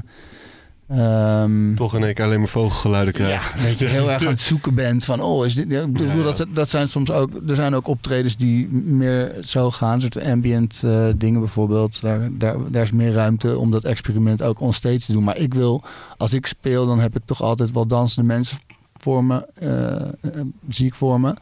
Dus ja, dan, dan is die ruimte er niet om een half uur even naar die perfecte sound te gaan. Dat heeft Colin niet, want die staat met zijn rug naar het publiek. ja, dat doet hij heel handig. Ja. Ja. Maar het is wel vet. Dat maakt het wel als je naar zo'n ding kijkt. Want dat, Ja. het, is, het is gewoon intimiderend. Dat zei je net ook al. Ja. Maar eh, ja, indrukwekkend is het ook wel. Denk ik. Ja. Een soort van nutty professor of zo. Ja, het heeft heel erg die, ehm, die kant. En dat. Colin is ook iemand die. Hij kan goed. ehm, hij kan goed groot denken. En er zit ook een soort eh, gevoel voor drama ook in. Dus hij, dat hij gewoon dat apparaat ook gebruikt. Om, eh, en de. de, de ehm, ja, dat, dat, wat jij zegt, van dat, dat indrukwekkende van, het, van de machine ook gebruikt in zijn performance. Dat is natuurlijk heel, heel clever. Ja. Ik moet het meer hebben van ehm, mijn nekbewegingen. En die mogen er zijn, laten we wel wezen. Prima getraind nekje. Ja. Ja. Ja. Dus. Ehm, eh, ja. naar, naar Amsterdam verhuisd. maar- En je zei, je, Oh zei, je zei ook, je had Design Academy gedaan en HK, een soort Ja, en de oh introductiecursus. eh, Ja. Klinkt als, eh, als, een, eh, als een patchwork aan eh, halve studies. Ja, klopt ja. Ja. Ja, nee, ik was, ik was eh, toch wel een soort van ambitieus, denk ik, als kind. Dat ik dacht dat als, je, als ik muziek zou gaan studeren, dat ik dan een werkloze muziekleraar zou worden. dat, dat, was, dat was mijn Dat- idee dat- van was de- muziek studeren. De ultieme Erg, droom. Een, een werkloze muziekstudent. Zo, ja, dus daarom wilde ik dat niet. Dus de-. En ik was ook altijd aan het tekenen en ik wilde vroeger altijd uitvinder worden. En toen dacht ik, ik ga, eh, ik, ik wil gewoon, ik ga ontwerpen studeren. Of, eh, eh, toen wilde ik naar de Design Academy. Maar dat idee kwam best wel laat. En daarvoor wilde ik, had ik al een soort tussenjaar op de kunstacademie gedaan. Toen wilde ik uiteindelijk naar de Design Academy. Werd ik niet aangenomen. Heb ik nog een vooropleiding in Den Bosch gedaan. Ehm, werd ik wel aangenomen eh, op de Design Academy. En toen in het, aan het einde van het eerste jaar... Oh ja, dat heb ik nog helemaal niet verteld. Dat was eigenlijk best wel een- ook een belangrijk... eh, zo ben ik eigenlijk de muziek ingerold. Want eh, ik werd aan het einde van het eerste jaar... Tijdens de tekenles werd ik gebeld door... eh, volgens mij was het de drummer van Zuko 103. Ah, daar heb je ook mee gedraaid. Ja, en, Ja. en die zochten toen een, een invaller voor Kids Sublime. Eh, en die was turntablist in de band. Ehm, dus ze, hadden gewoon, waren een van de weinige bands die echt een DJ als, als eh, muzikant in de band hadden en die mee op tour gingen en zo. En eh, toen mocht ik die functie voor hem gaan vervullen. Eh, toen, diezelfde avond stond ik volgens mij ergens in de, de pul in Udo of zo. En eh, dat ik ook zei, hè, maar moeten we niet repeteren dan? En zo, nee, nee, ik geef je wel, eh, doe maar gewoon lekker mee. En ik geef je wel een knikje als je solo hebt. Oké, cool. Alles helemaal vol lopen scratchen. En ja, dat was wel een goede klik. Ehm, toen heb ik best wel veel shows met hun gespeeld die zomer. En daarna heb ik gevraagd of ik op de Design Academy een eh, jaartje mocht stoppen, zodat ik met hun op tour kon. Dat, kon. Die decaan vond het goed, dat ik gewoon mijn studie even on hold zette. Ik had mijn propenduizen gehaald, dus ik kon gewoon weggaan. En toen heb ik met hun een heel jaar getoerd. Dus dat was, dat was ook echt niet normaal. Dat was ook met een... eh, ook in Amerika shows doen en heel Europa door. Vooral in Spanje en in Portugal gingen zij ook super lekker. En echt elke stage afsluiten en op zijn kop zetten. En ook ehm, Amerika met een... Was dat ook met een sleeper?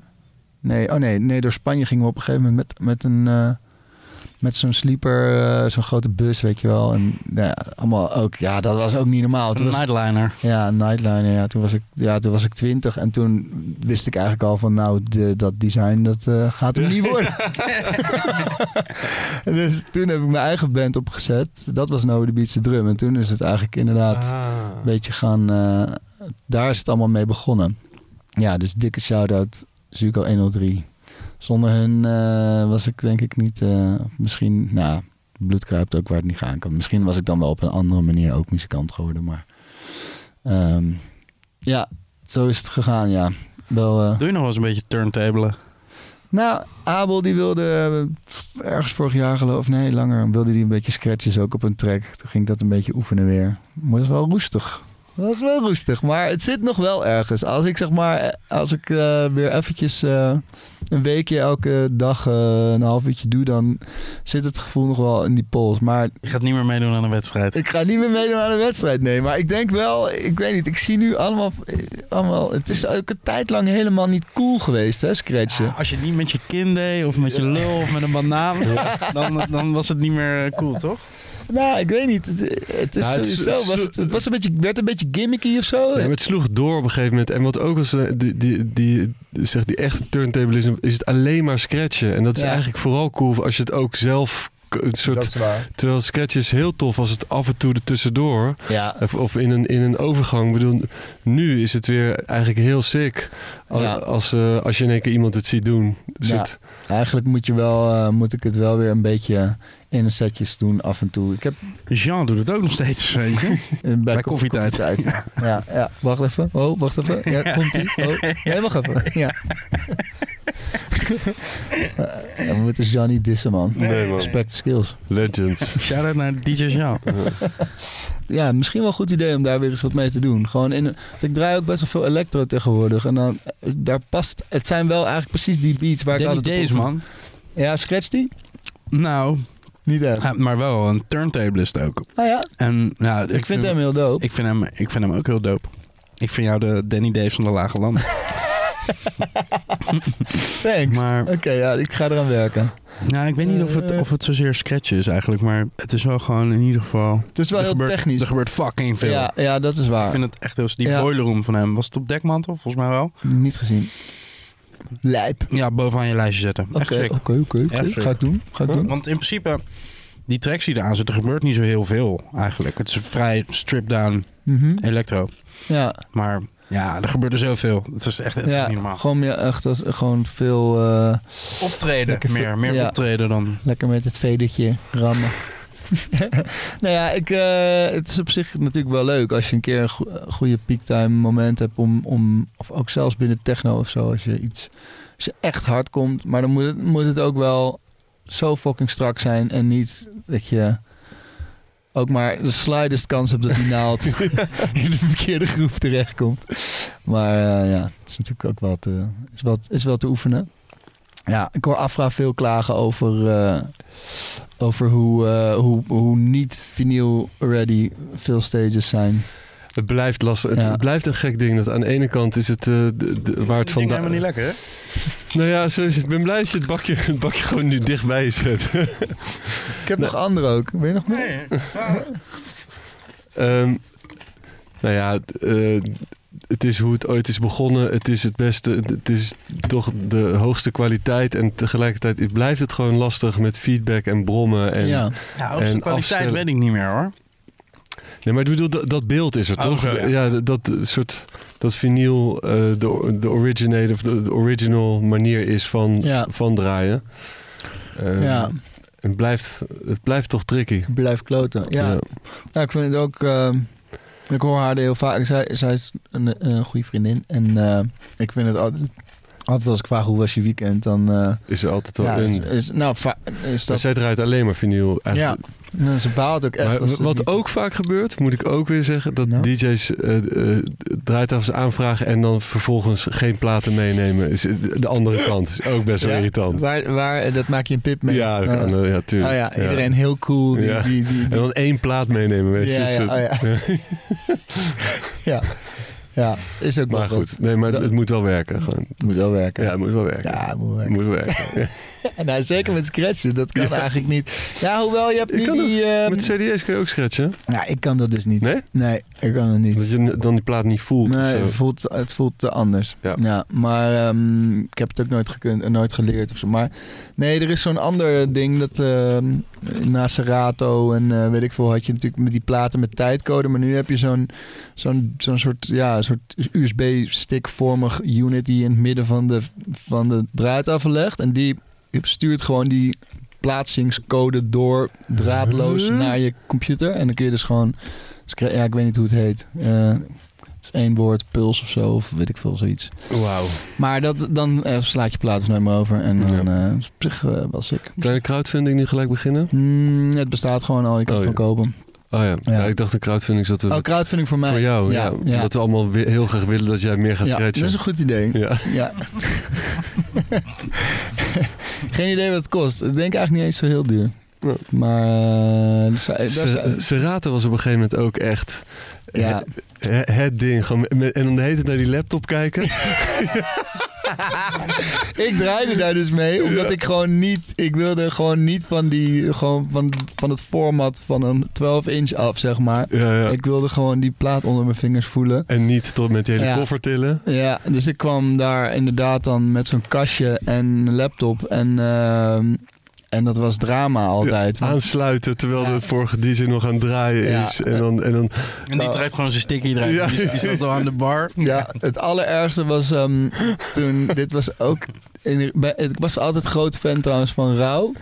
En daar was ik op een gegeven Oh, moment, eh, Joost van Bellen, Ja, ja, ja. Merik, eh, Merik Milan ook. ja, Shout out. ja, dikke, dikke shout-out. En Joost die ehm, eh, boekte ook vaak Nobody Beats the Drum. En ook vaak Boom Clutch. En later maar ook solo. En één keer... ehm, de eerste keer dat ik daar eh, eh, werd uitgenodigd om te draaien... Was de, was de avond ervoor was in de Melkweg... Joost, Joost Kroekers en Boys Noise. En ik was op dat moment ziek fan van Boys Noise. En Kroekers draaide ik ook veel platen van. Vond ik ook heel sick. Eh, helemaal door het geluid gegaan daar. En een soort van echt, weet ik veel, om eh, ook een nacht overgeslagen. Eindelijk een keer in bed. En toen werd ik zo e- einde middag werd ik gebeld dat Joost dus terug was gegaan. En of ik dan voor hem over wilde nemen in Tivoli die avond. Dus diezelfde line-up, want ze deden altijd de, één keer in Melkweg, één keer in Tivoli. Toen stond ik voor het eerst eh, daar solo te openen voor Kroekers en Boys Noise. Maar ik was natuurlijk veel te enthousiast. Ik ging sowieso al veel te hard draaien aan het begin. en, eh, maar ook dus met die fucking Serato. Dat, ook, dat dan ook, zeg maar. Kroekers hadden toen allemaal hits uit en zo. Die hype was echt groot.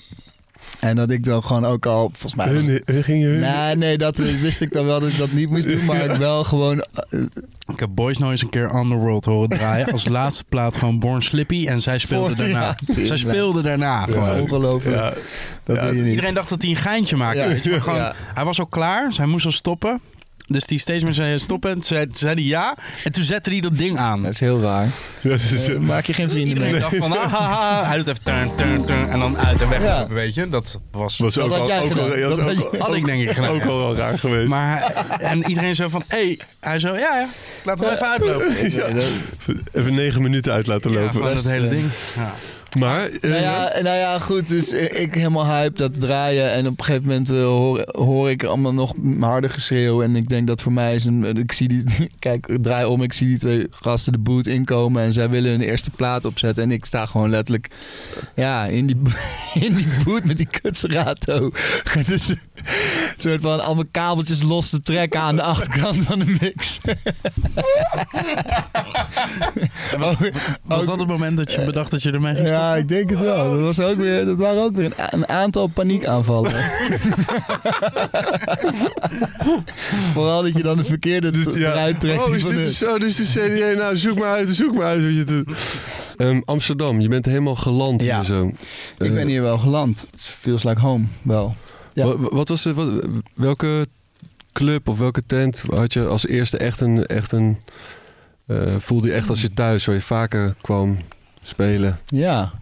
Eerst gewoon wel braaf. Gewoon een beetje Melkweg Paradiso-achtig, denk ik. Mm. Flexbar was een ding. Daar gingen we ook meteen feestjes doen.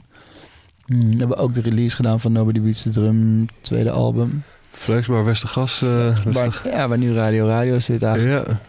Ja. ja, maar zij zaten meer op de, op de hoek, toch? Ja, waar die, Ja. waar die, die Tony is. ja. Ja. dat klopt. Daarna nog Norsje Jazz Club of zo? Ja, ja. ik, weet niet, ik weet nooit zo goed waar die muren liepen destijds, maar het, het was wel allemaal daar. Nou. Ja. Vond ik wel cool, hoor, North Jazz Club. Ja. Hoe die man nog een keer gezien daar. Ja, Hmm. Zie je wodka aan het uitdelen. ja. Liet hij die chicks draaien. We waren er samen. Ja, Stekman toch, geloof ik. Ja. AD of zo. Was dat niet MC Theater? Maar Nee. deden, ze, deden ze dat ook? Hmm. MC Theater en die uh, Ja. Jazz Club. Maar ehm, ja, welke clubs waren het? Ehm, oh ja, natuurlijk ook wel gewoon Elf en eh, later Trouw. Eh, hebben we ook allebei gespeeld met Nobody Beats. Niet met Boom Clutch, trouwens, denk ik. Of misschien wel een keertje in Elf. Hm. Ik zat altijd een beetje tussen bandjes en draaien. En allemaal, ik deed eigenlijk altijd veel verschillende dingen. Dus het was niet echt per se. Dus je had het net bijvoorbeeld over de Puma en de basis in, in Utrecht. Maar dat, dat was dan ook weer te clubby of zo voor mij. Weet je wel? Ja, dat was dan. Dat, die wereld snapte ik ook nog niet helemaal. Sowieso, techno en house ben ik echt best wel laat pas eh, gaan waarderen. Ik heb altijd ook. eh, het, ging ook met Nobody Beats altijd om breakbeats en juist dingen die niet voor to the floor waren. En eh, ik vond heel veel dingen te loopy eh, en zo.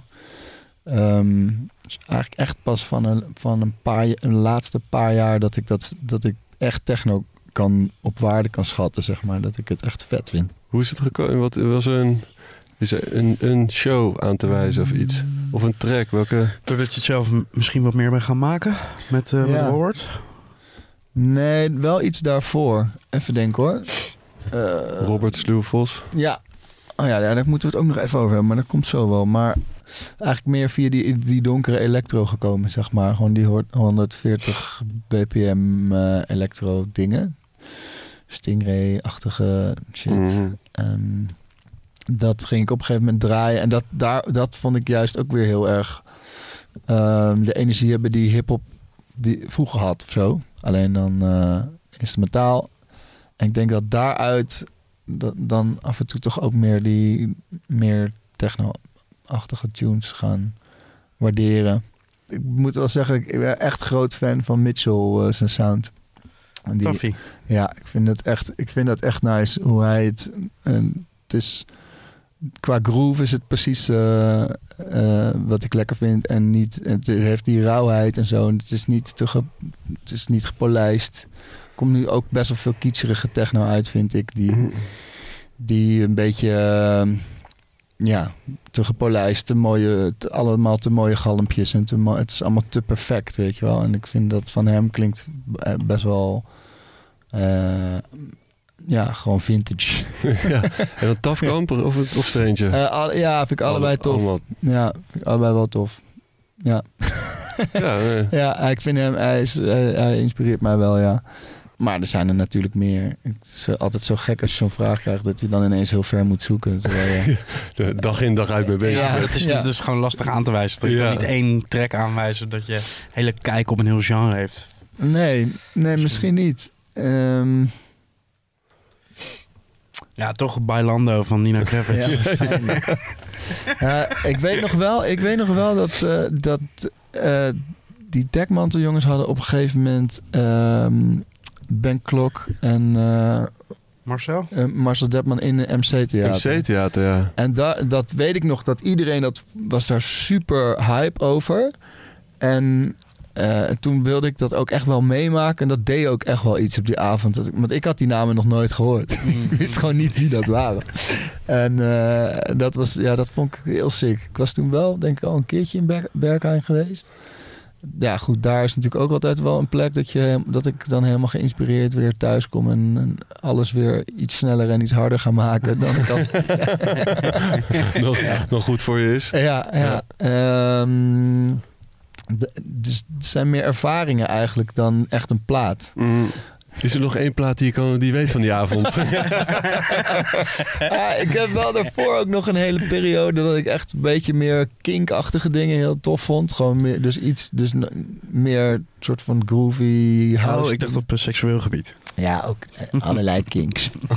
Heb ik, maar dat weet je toch juist. Kinks in de kabel. Ja, maar ehm, eh, de kinkachtige house en meer een beetje, beetje shuffle-achtige beats en zo. Maar ja, dat, eh, dat is er nu wel uit. Wordt weinig geshuffeld Ja, hier. we hebben weinig geshuffeld, gewoon afstampen. Ja, ja, lekker. ja, Het is toch grappig toch hoe, eh, hoe je smaak verandert eigenlijk. Ook, ook dingen Ja. die ik heel kut vond, Ja. zeg maar eerst, Ja. kan ik nu echt eh, waarderen of Ja. Ja, beter op waarde schatten. misschien. Of andersom. Ja, ik heb altijd zeg maar de jaren negentig ja. een soort van verschrikkelijk tijdperk gevonden, weet je. maar dan ook echt alles. Niet hiphop. maar- Echt Golden Age, Ja. man. Ja. Ja, ik luister niet zoveel hip-hop. Maar nu, ik heb het idee dat, eh, eh, dat alles nu eh, jaren negentig is. Ja. Maar Nu trek Daar- je het wel. daardoor, daardoor luister ik ook die dingen die ik dus Ja. echt heel kut vond, hoor ik nu anders of zo. En dan Ja. denk ik, oh ja. Ik heb dat ook heel erg. Ja. Zeker. Ik, eh, toen eh, Job en Elias met die hele trends de ding in de school kwamen, toen dacht ik echt, wat is dit voor gimmick? Hoezo zou je dat doen? Ja. Hoezo ga je deze tyfusplaten nu allemaal weer terugbrengen? En nu vind ik het echt, Ja. zit ik er helemaal in. Echt geweldig. Ik bedoel, ik hoef het nog steeds niet te maken, maar er zitten, als ik op een feestje ben en ik ben in de mood is goed, dan is, Ja. het, is het toch heerlijk om gewoon zo'n soort, eh, zo- zo'n oude klapper te horen. Ja, ik weet niet. En, maar dat, ik ben, probeer ook... eh, De regels zijn gewoon wat meer opgerekt. losser, ja.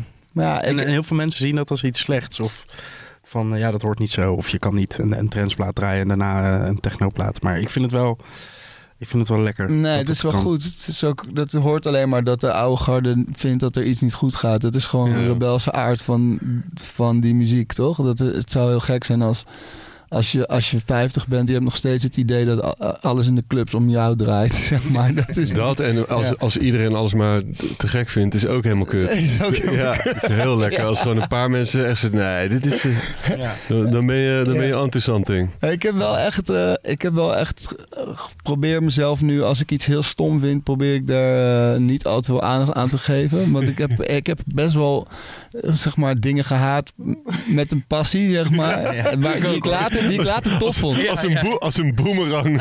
Ja, echt disco ook. Ik vond echt, ik was toen helemaal, dus ja, ik draaide dingen. Disco sucks. Ja, jij was bij de Disco Demolition. Daar, was ik niet bij, maar had gekund. Ja. Nee, ja, ik wil- wilde gewoon platen die hard waren, waar je energie van krijgt. Ik zo, boys noise, ja, beuken, Ja, schreeuwen, ja. schreeuwerige platen. En dan Electroclash. ging, ja, en dan ging, i- gingen mensen ineens eh, di- draaien met koebellen op 115 beats per minute. Dan dacht ik van, ja, wat, er zit toch niemand op te wachten?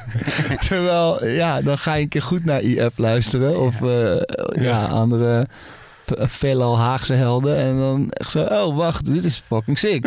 En, en nu eh, ben ik zelf ook eh, Italo aan het maken. En weet je wel. Ja, dat Lords of the Future. ja, ja, Vind ik vet, man. thanks. Ja, Ja. ja, dat is een leuk bruggetje. Hè? Die- Zeker. die- ik dacht, die, die, glip ik even over, dat bruggetje. heel slim, eh, bruggetje. Heel lekker. Nee, eh, ja, dus Koen Beje, waar ik het net over had. Eigenlijk een vriend van mijn zus vooral eh, in eerste instantie. Omdat hij net iets ouder is dan ik. Maar eh, inmiddels eh, gewoon eh, ook een van mijn beste maten. Die, ehm, eh, ja, die liep eigenlijk mijn hele leven net iets voor. Dus die zat ook net een, paar jaar eerder op de eh, HKU eh, ehm, eh, muziekopleiding die ik later ben gaan doen. En hij eh, was de eerste die een 707 meenam naar mijn huis. Dat- Toch die, die grote broer of zo dan? Hij, eh, in klopt. way. Ja, klopt. Hij was, ja, ja. scherp. Ja, dat is waar. Ja, zijn, zijn pa was muziekleraar. Eh, ook in Soest, geloof ik. En die Soest? Had, Laat je horen. Een werkloze muziekleraar? Nee, Oh, is niet werkelijk. ja, wat een rotzak was ik, hè, dat ik dat dacht. Maar hij, nee, hij had gewoon eh, een Gino en een 707. En, eh, en die, die, nam, eh, of die 707 nam Koen toen een keer mee naar, naar, naar de zolder waar de band naar vernoemd was. En toen, ja, dat was ook, kon ik ook, had ik ook dromen over. Van gewoon ook technologie en muziek samen. Dat is gewoon, dat is echt voor mij de, de, de gouden combinatie, zeg maar. En eh, nou ja, dus, hij, dus hij, ook, hij heeft me ook laten zien hoe je een aim en break opknipt. En hij heeft me ook, weet je wel, eh, Hoe je wat? een aim en break opknipt. Hoe knip je een emenbreek op? Een aim en break knip je op in de computer of een sampler. Nee, ja, je kan, eh, ken je, je kent de aim en break wel? Nee. Oké, eh, Justus Q.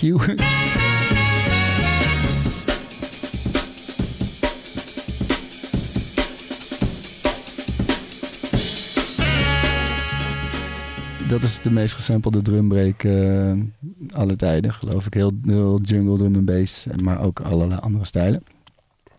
Dus dat, eh, ja, dat, dat had, had Koen gewoon in een, eh, in een sampler, liet hij, kon hij dat ook laten zien hoe hij dat deed. Dat vond ik allemaal heel interessant. En hij was dus ook iemand die al heel erg diep in de modulars zat op het moment dat ik ermee begon. Of de, ook, ook echt mentorachtige rol. En nu hebben we samen inderdaad muziek gemaakt. En eh, dat is dan weer helemaal niet modular eigenlijk. Dat is eh, gewoon een soort Italo-electro. En, eh, is, Bordello. is het dan, is het dan eh, op Bordello a Parigi? Ja, Bordello a Parigi. Ja, Otto. Otto. Otello. Shout out. Ja, man. Eh, Is dat... Stuur me een handdoek. Is, eh ja, Stuur een handdoek. Ja. Ja. Luistert. Ja, Stuur me Leuk, handdoek. hè? Ja. ja. Ja, oh, David, David er weer mee eh, Ja. in Ja, ik heb hem Curaçao. ook. Ja, dus je kan hem gewoon eh, oppikken bij de plaatszaak. Echt? Gaan we zo meteen gelijk doen? 25 Ja. piekies, Nou, geen geld. stop. Ik haal er vier. Hebben jullie dan het idee om Italo te maken? Of ga je gewoon muziek maken en dan wordt dat in één keer Italo? Ehm, dat, oh, ja, dat laatste. Dat, eh, dat was gewoon... Nou, nee. Ja, nou, hm, moeilijk. Nee, we, eigenlijk was het allemaal terug te leiden naar een liefde voor één tune. En dat is die eh, Telex eh, Moscow Disco. Ah ja. Ah, Die vonden we gewoon zo sick. ja, En classic. eh, en toen... We, we, we- ik ken hem dus letterlijk van dat ik drie ben. En we zijn heel vaak in elkaar studio's, maar we hebben nooit iets gemaakt samen, wat heel raar is. Dus toen, eh, volgens mij was het tijdens corona of zo, hebben we gezegd van nu gaan we het echt doen. Een beetje... en toen kwamen we een beetje op die tune dat we die gewoon allebei heel sick vonden. Dus dat was een soort van voorzichtig Startpunt. uitgangspunt. Ja. Ehm, Maar ja, nieuwe, nieuwe EP wordt denk ik misschien iets, nog iets eh, meer... ja, nee, weet ik niet. Kan ik nog niks over zeggen. Iets meer Italo. Ja, Met eh, Fred Ventura. Beetje zang eroverheen. ja, een beetje zang eroverheen. Kan geen kwaad. Ja, ja, we zingen al eigenlijk op deze, hè? Ja.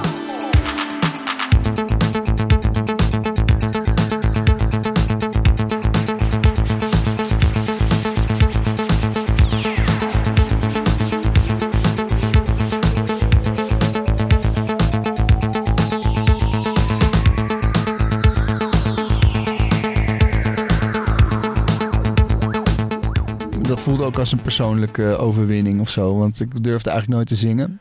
Ik heb vroeger veel gezongen.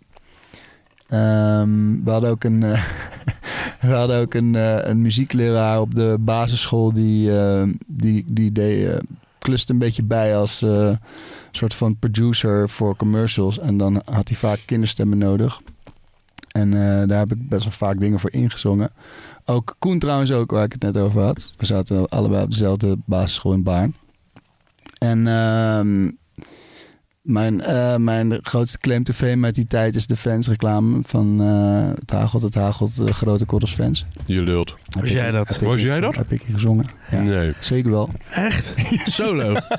Nee, dat, Dat is een koortje. je deed dan, eh, die, hij nam dan gewoon drie, drie, vijf, zes kinderen mee van school. En dan deed je gewoon twintig, allemaal twintig takes. En dan, eh, Snoepje en als zijn een pik zien? Dat laatste niet. Het snoepje zeker. Hm. En eh, ja, dan eh, kreeg je gewoon een zak drop mee naar huis. En dan En hij- en hij pakte zes ruggen. ja, pretty much. Ja. Ja.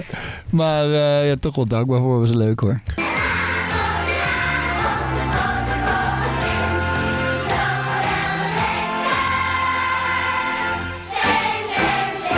En je moet er daar wel een nieuwe track mee maken. dat, je, dat je daarmee scratcht. Ja, eh, Misschien. nee. Dus jullie kregen een zak drop en hij waarschijnlijk zes ruggen? Ja, daar komt het denk ik wel, wel op neer. Ehm, maar ja, in die tijd wel dus veel leuke, veel gezongen. En ook een keer een kerstcd en een keer ehm, nog een andere leader voor... ehm, ken je dat Dinges? Ken je dat programma? Wa- Wacht even, wacht even, wacht even. Dinges. Een kerstcd? je, je, je ging je heel snel overheen.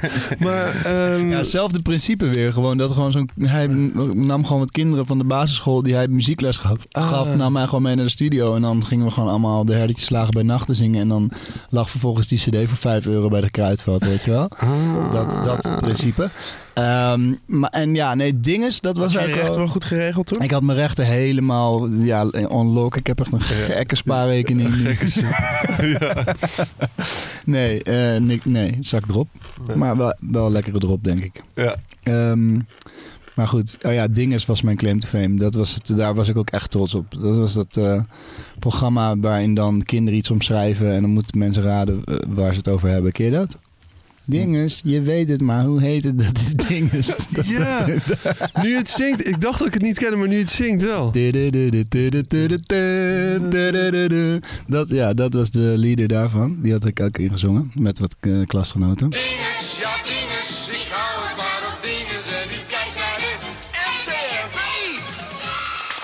Ik voel toch een compilatie aankomen met alle kinderhits van Sham.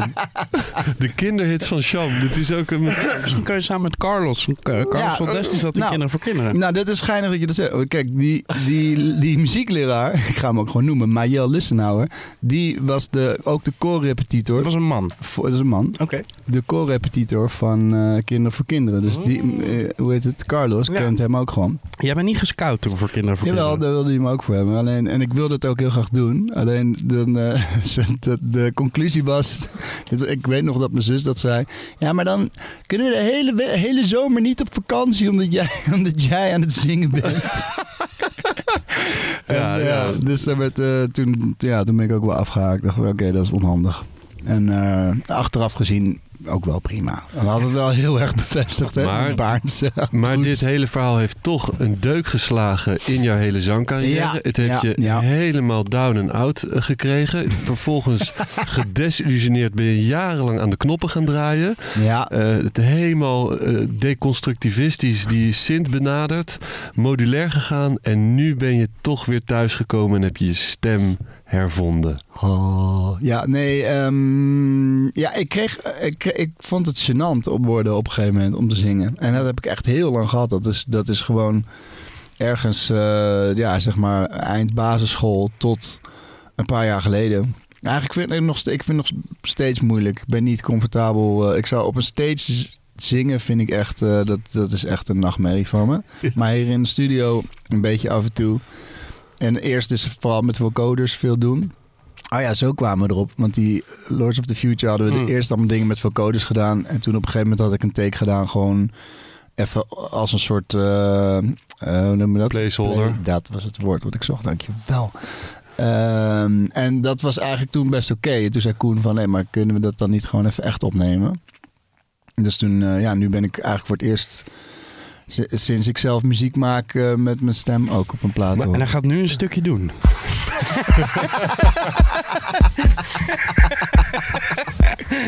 Nee.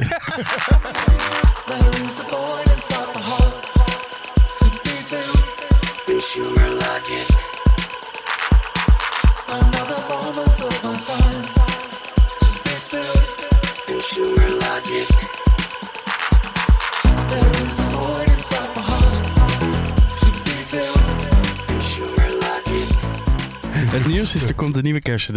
Maar Show me, eigen- show me the eigenlijk- money. Eigenlijk is dit... Is dit eh, Wat? Let's go, Sean. Laten we ervoor gaan. Nee, nee, nee, nee, nee, nee, nee, durf niet. Zie je, dan ga ik weer op slot. Op slot. Ehm, alleen als niemand kijkt of, Nou, lu- nou, of luistert. Nou, als, als niemand kijkt. Of dus eh, eh, het principe van... ehm, ik, ik doe dit alleen even als placeholder. Ja, Gewoon alleen eventjes om te checken. Hoe, en dan, en dan Ja. in de plaats van... Oh, ik ga nu echt heel serieus zingen. ja. ehm, de, de, de, de, de drempel verlagen voor jezelf. En dan vervolgens jezelf verrassen. En dan eh all out gaan. ik vind het... ehm, ja, ik vind het een goede strategie. Laten we die aanhouden Ja. voorlopig. Ehm, ja. Nou ja, dus dat, eh, ik ben eigenlijk momenteel wel veel verschillende projecten aan het doen. Dus dat is er één van. En ehm, daar ben ik niet per se super eh, ambitie om ook mee op te treden. Maar je weet ook niet hoe dat loopt. Wie weet ineens wel. Ja. Ehm, ja, maar ik doe natuurlijk ook nog dat duo met, eh, met Robert Sluwvos, waar we het al eh, heel even over hadden. Intercity. Ehm, City? Intercity 106, ja. Super handig gekozen naam, begrijp ik, Steven. Ja, ik vind het gek, weet je. Ja, sorry. Eh, wij, wij verzinnen een gigantisch megalomaan project over de toekomst van de hele Haagse culturele veld. En in één keer komen jullie... En dan een getal daarachter, alsof het dan... ja, ja. Ja, we waren wel eerder. Dat, Ja, ja. dat, dat wel. nou ja, in elk geval, wij vonden Intercity aan zich vonden we het eh, net te generiek. Dus toen dachten we, bedenken er eh, nog iets bij. En we hebben die Juno 106 echt over die hele plaat ge- gebruikt. Dus toen we dachten we, dan doen we die, eh, zetten we dat erbij. Hoe is die samenwerking tot stand gekomen? Oh ja, ehm, in, wat was het, 2017 denk ik, 17, 18 ben ik eh, op Stekker, dat is een festival in Utrecht, heb ik eh, Robert ontmoet. Die deden, ze hadden toen Stekker in het park en dan hadden ze in de oude Tivoli, waar toen eh, ook Kiteman in zat en allerlei mooie studio's waren, ehm, hadden ze alle mensen die op het festival stonden uitgenodigd om eh, muziek te gaan maken een week. En toen heb ik eh, daar Robert ontmoet en we hadden meteen een goede klik. En toen zijn we ja, een paar dagen, vooral nachten eigenlijk, ehm, doorgegaan. Ik denk twee of drie nachten en er kwamen meteen vijf, zes dingen uitrollen. Het was een, eh, hele, hele prettige ontmoeting. Ehm, Robert die had eigenlijk helemaal ook geen zin om daar te zijn. Die, die moest, zijn manager had gezegd, ga nou maar even heen, want dat, dat is leuk. En dat vind, dan laat even je gezicht zien. En hij, hij was gewoon daarheen gekomen en hij dacht, ik eet even mee en dan ga ik daarna naar huis. En ja, toen leerden wij elkaar kennen. Dus hij is dus drie dagen gebleven. Is hij naar de Albert Heijn gegaan om een tandenborstel te kopen. Omdat hij, hij had gewoon letterlijk niks bij zich. Dus eh, en ja, toen hebben we Never Know gemaakt. Die track, eh, die is vervolgens bij Digital uitgekomen. Maar eigenlijk daar, daarvoor was hij al in handen van Job Jobsen en eh, Jennifer Cardini en Amen Dixon. En die, die gingen er allemaal wel eh, lekker mee aan de haal. Van Job, die... die Ik kan me nog een zeezout herinneren dat hij met Optimo draaide volgens mij. Ah, ja. Ging helemaal mayhem. Ja. Ging het. Ja, wel echt te gek. Dat is. Dat was, dat, ja, dat was, was een goede opsteker, zeg maar. Dat was gewoon eh, omdat het ook zo lekker ehm, spontaan gemaakt was. Niet, zonder een plan, zonder een Mm. project. Zonder gewoon, gewoon eh, ja, twee, eh, twee gasten die een beetje elkaar zitten af te tasten in de studio voor het eerst.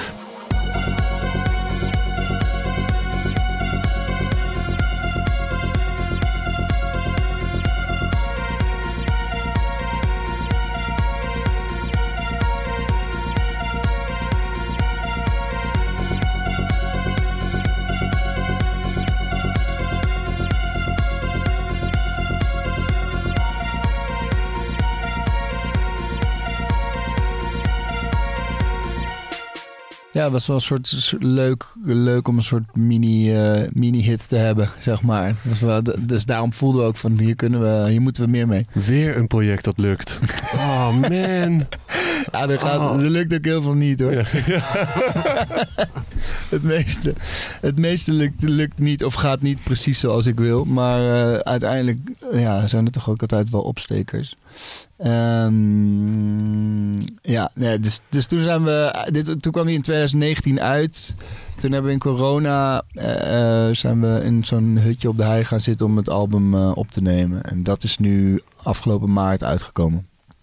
Ja, en daarvoor hebben jullie wel wat live dingen gedaan ook, Ja. toch? Voor, vooral tijdens de corona, volgens mij was Ja. dat een beetje een startpunt. ja, klopt. We hadden ADE, was het 22? Nee, twi- 20 denk ik.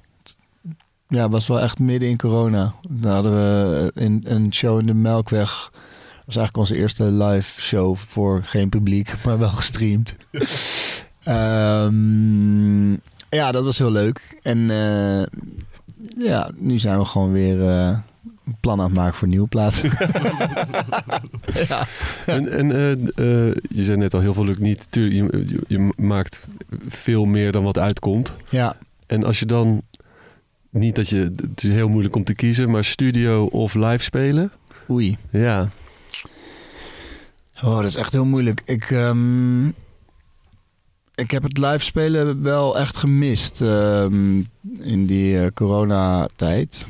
Eh, ik heb ook ik heb niet eh, op momenteel niet super veel gigs. En toch als ik ze heb, dan geven ze me altijd zoveel energie en ideeën ook weer voor nieuwe, om weer nieuwe dingen te maken. Dus ja, ik, ik kan het echt niet, het een niet zonder het ander zien eigenlijk. Ja, nee, ik, ik kan niet. Ik, dat lukt niet. nee, en, en, en draaien of live spelen? Ehm, oh, ja, dan ga ik toch wel voor live spelen. Ah, Ja, omdat ik. eh, ik de- dat, is- dat zijn van die, van die nadrukverschillen, toch? Van, je hebt echt van die DJ-DJ's die nooit iets uitbrengen. Je hebt producers die nooit spelen. En wel ghost producers voor anderen. Je hebt live muzikanten. Ja, ik zit. Mijn, eh, ik denk dat ik. Hoewel ik bijna al mijn gigs zijn momenteel draaien hoor. maar, maar als ik echt moet kiezen, dan vind ik eh, optreden met een eigen. ehm, ja, met iets wat je helemaal van scratch hebt gemaakt, vind ik toch het allerleukste.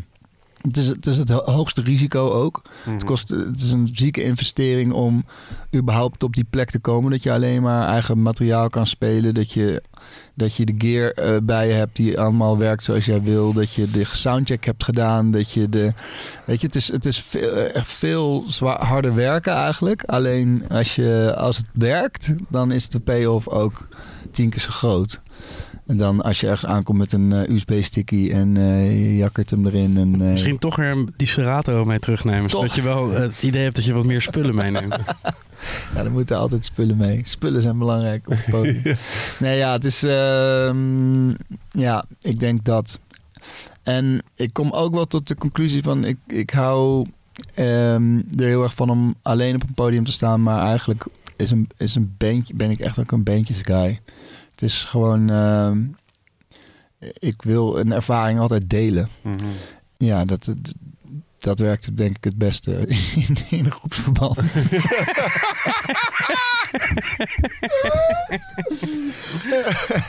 ja, je kan het ook met het publiek delen, weet je wel. Of je, Ja. kan, het, je kan het met je, weet ik veel, met je tourmanager delen. Of met je vriendinnetje als ze een keer meegaat naar een show. Maar Ja. je wil, ik, als je ergens, ik, ik heb het ook een beetje nodig, een beetje klankbord van ga- gaan we dit doen? Ja, we gaan dit. Dus ik merk gewoon eh, ook in de studio dat ik, ik, je komt gewoon sneller ook tot iets Mhm. als je met iemand samenwerkt. Dat je gewoon eh, niet eh, in je eentje helemaal die abyss van de mogelijkheden invalt en ehm, alles weer gaat betwijfelen wat je die hele dag hebt gedaan. maar gewoon elkaar een beetje, eh, ja, ook kritisch zijn hoor. Ook wel gewoon zeggen van dit werkt niet. Maar eh, ja, dat je elkaar ook gewoon feedback geeft en zo. Eh, en optilt daarmee. Mhm. Dus eigenlijk vandaar dat ik ook gewoon veel verschillende soorten projecten heb. Maar ook, solo, ook nog steeds solo dingen. Die, ja, die soms ook wel handig. Kan, kan, je, kan je jezelf helemaal verliezen in die twijfel? In, in van wat ben ik nou aan het doen? Ja, heel ik- erg. Ja? Ja, ja, ja. Ja, ik heb ook... Dat is denk ik ook... Zeg maar, dus... eh, Nobody Beats en Boom Clutch stopte in 2013. Ik ben, we zijn nu tien jaar verder. En in die tien jaar heb ik ehm, een paar dingen uitgebracht. Eh, best wel wat showtjes gespeeld. Ik heb live gespeeld. Ik heb gedraaid. Eh, maar het is best moeilijk, denk ik, om daar een hele... ehm, echt een, een consistente lijn in te zien. Dus ik heb eh, eh, rustige elektronica staat van mij online, bijvoorbeeld Orion.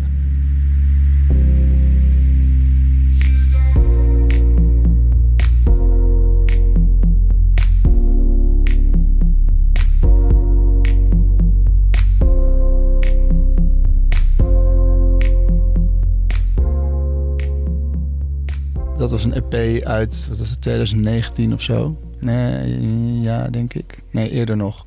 En daarna kwam een andere, die was weer veel meer electro. Dan was heb ik weer een keer een house track uitgebracht. Dan ben ik weer... ehm, voor mijn bedrijf ben ik veel muziek aan het maken. En dat is dan weer, eh, weet ik veel, een, een pianostuk voor een animatiefilm. Het is moeilijk voor mij om, om focus op één ding te houden. Ik vind heel snel dingen ook saai worden.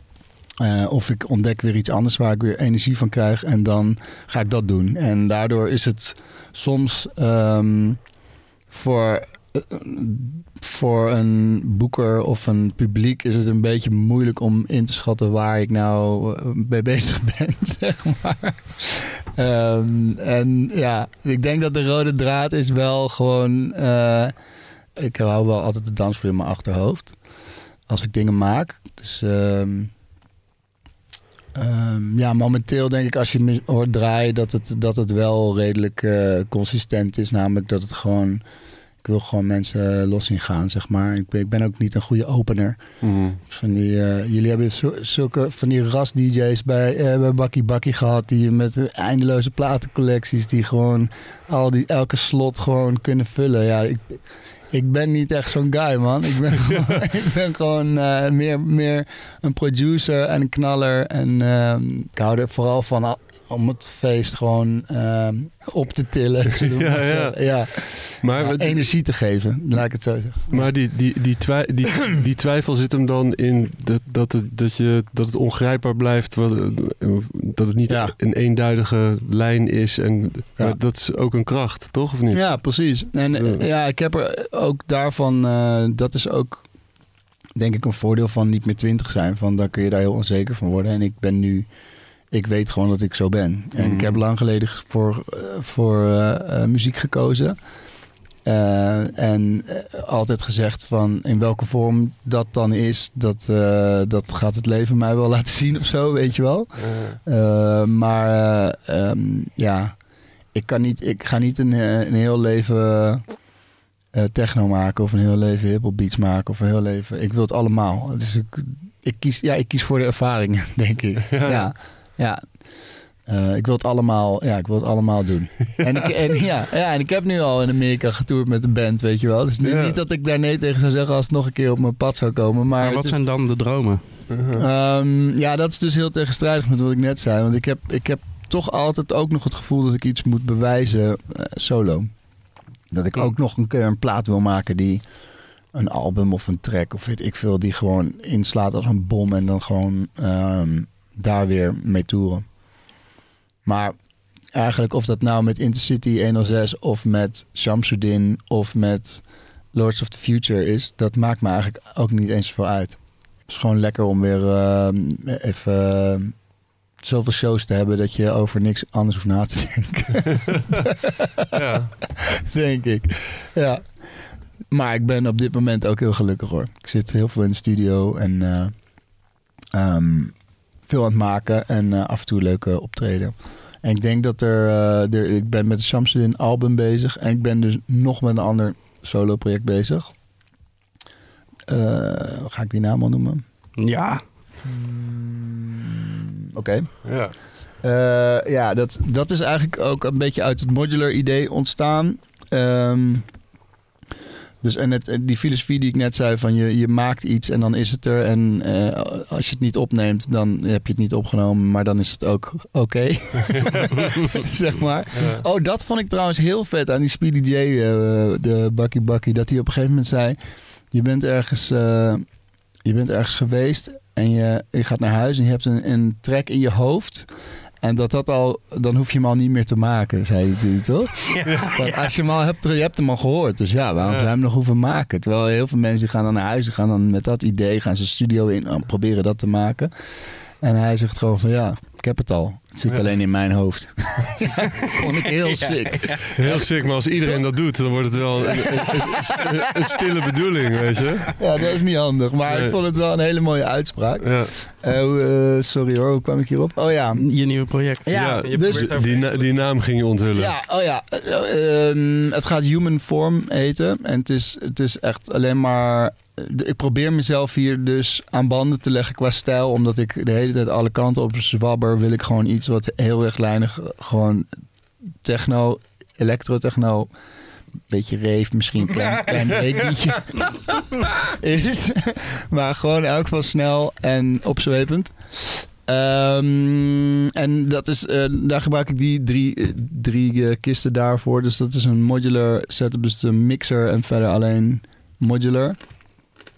Ehm, en dat is een beetje de droom, want het idee is dat de live setup is precies hetzelfde als de recording setup. Dus de, als, ik kan gewoon hier in de studio staan, jammen en dan als ik iets vets hoor, dan kan ik het eh, met een eh, kabel rechtstreeks mijn computer in multitrekken.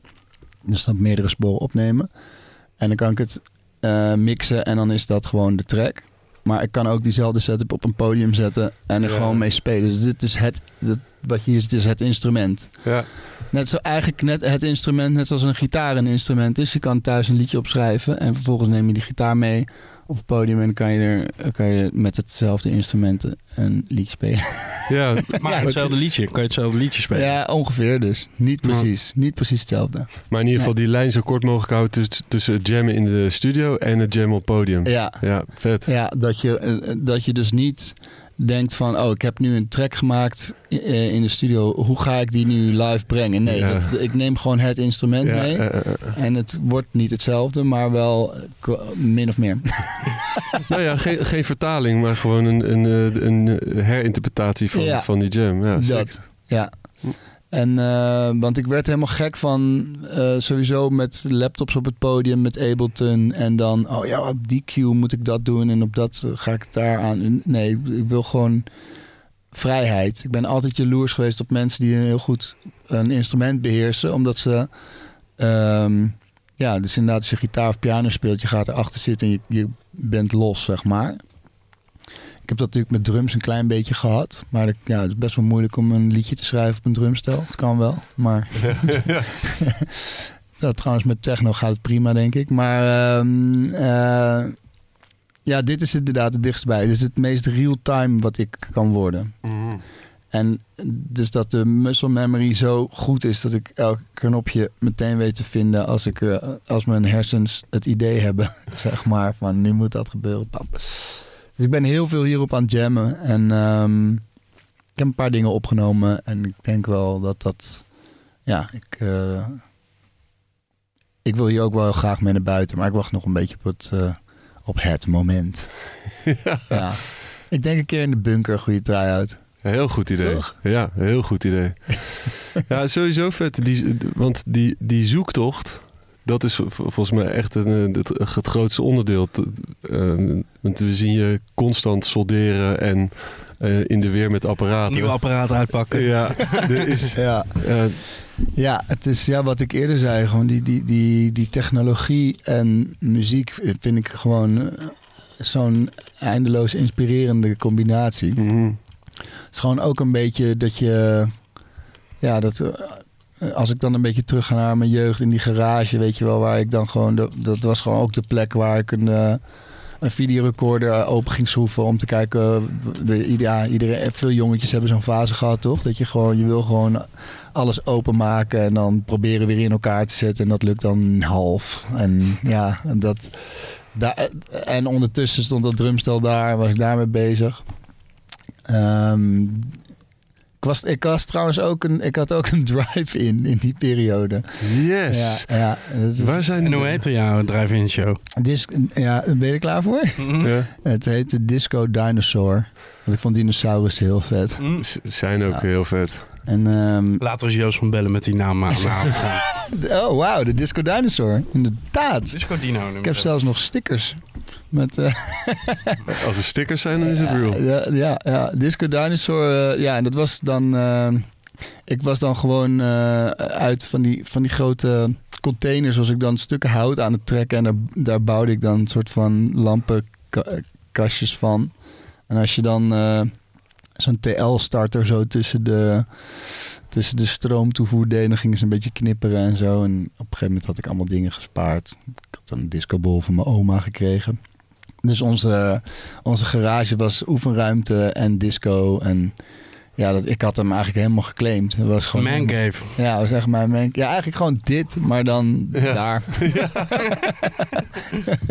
Stond uh, geen voetbaltafel. Maar ehm, ja, dat was, eh, dat was wel een leuke tijd. En dan mijn moeder mij overal maar weer heen brengen met al die lampen als er weer ergens een feestje was. Ik denk dat je dat gewoon weer moet gaan doen, Sham. Dat gaat hem worden uiteindelijk. Drive-in. Shammy's Drive-in. Wel vet. Ja, ik, zou, ik wil wel eigenlijk ook wel iets, iets doen qua productie. Want je ziet wel, of, en dan bedoel ik gewoon stage production, zeg maar. Je ziet eh, ook wel, ik denk dat het wel tof is om eh, daar een beetje weer wat creatiever over na te denken. Je ziet gewoon grote DJ's komen gewoon in- inderdaad aan, eh, sticker in en gaan. En er is op zich niks mis mee. Als, eh, als de club of het festival al gaande is, dan is daar ook wel wat qua licht of zo. Maar ik zit wel ook een beetje te broeden op een soort. bij dat human form iets te bedenken wat nog een soort. beetje.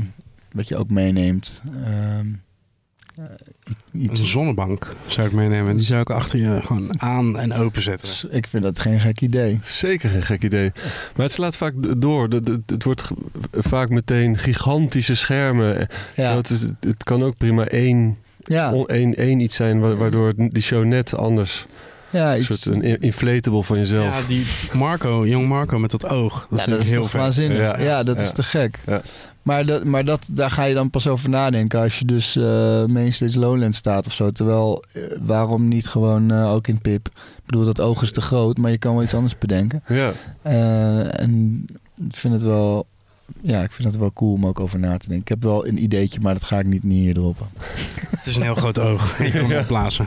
Nee. Het is een inflatable van Het jezelf. is een bril. Een hele grote bril die je kan Nee, een opblazen. grote opblaasbril. Sham, thanks dat we in je prachtige stulpje mochten komen kijken. Ja, Heerlijk. Ik ga nog een paar apparaten aanraken en je nog één keer verslaan op je eigen tafelvoetbaltafel. let's go. En dan ga ik die punt paprika van Steven opeten. Lekker man. En ik ga de rest van de middag afvragen waarom die stalen buis uit het plafond komt. Ik kan het je ook gewoon vertellen. Je speaker aan ophangen. Nee, er hing een beamer. Dit, eh, oh ja, dat... Ja, nee, dat ga Dat ik wil je ook niet vertellen. Je hebt Nee, beamers. ik ook niet Een vertellen. handeltje. Goed, thanks. Ja, bedankt. Hartstikke fijn dat jullie eh, mij eh, hiervoor vroegen, mannen. Ja, het was... Heel tof. Ik dacht, ik dacht dat het niet meer ging gebeuren. Hebben we dat echt? Ja, ja, Ja, ja, we hebben er heel lang naar uitgekeken. Ja, wij, ik wij, ook. wij durfden je niet te vragen. Ah, Wat- heel niet.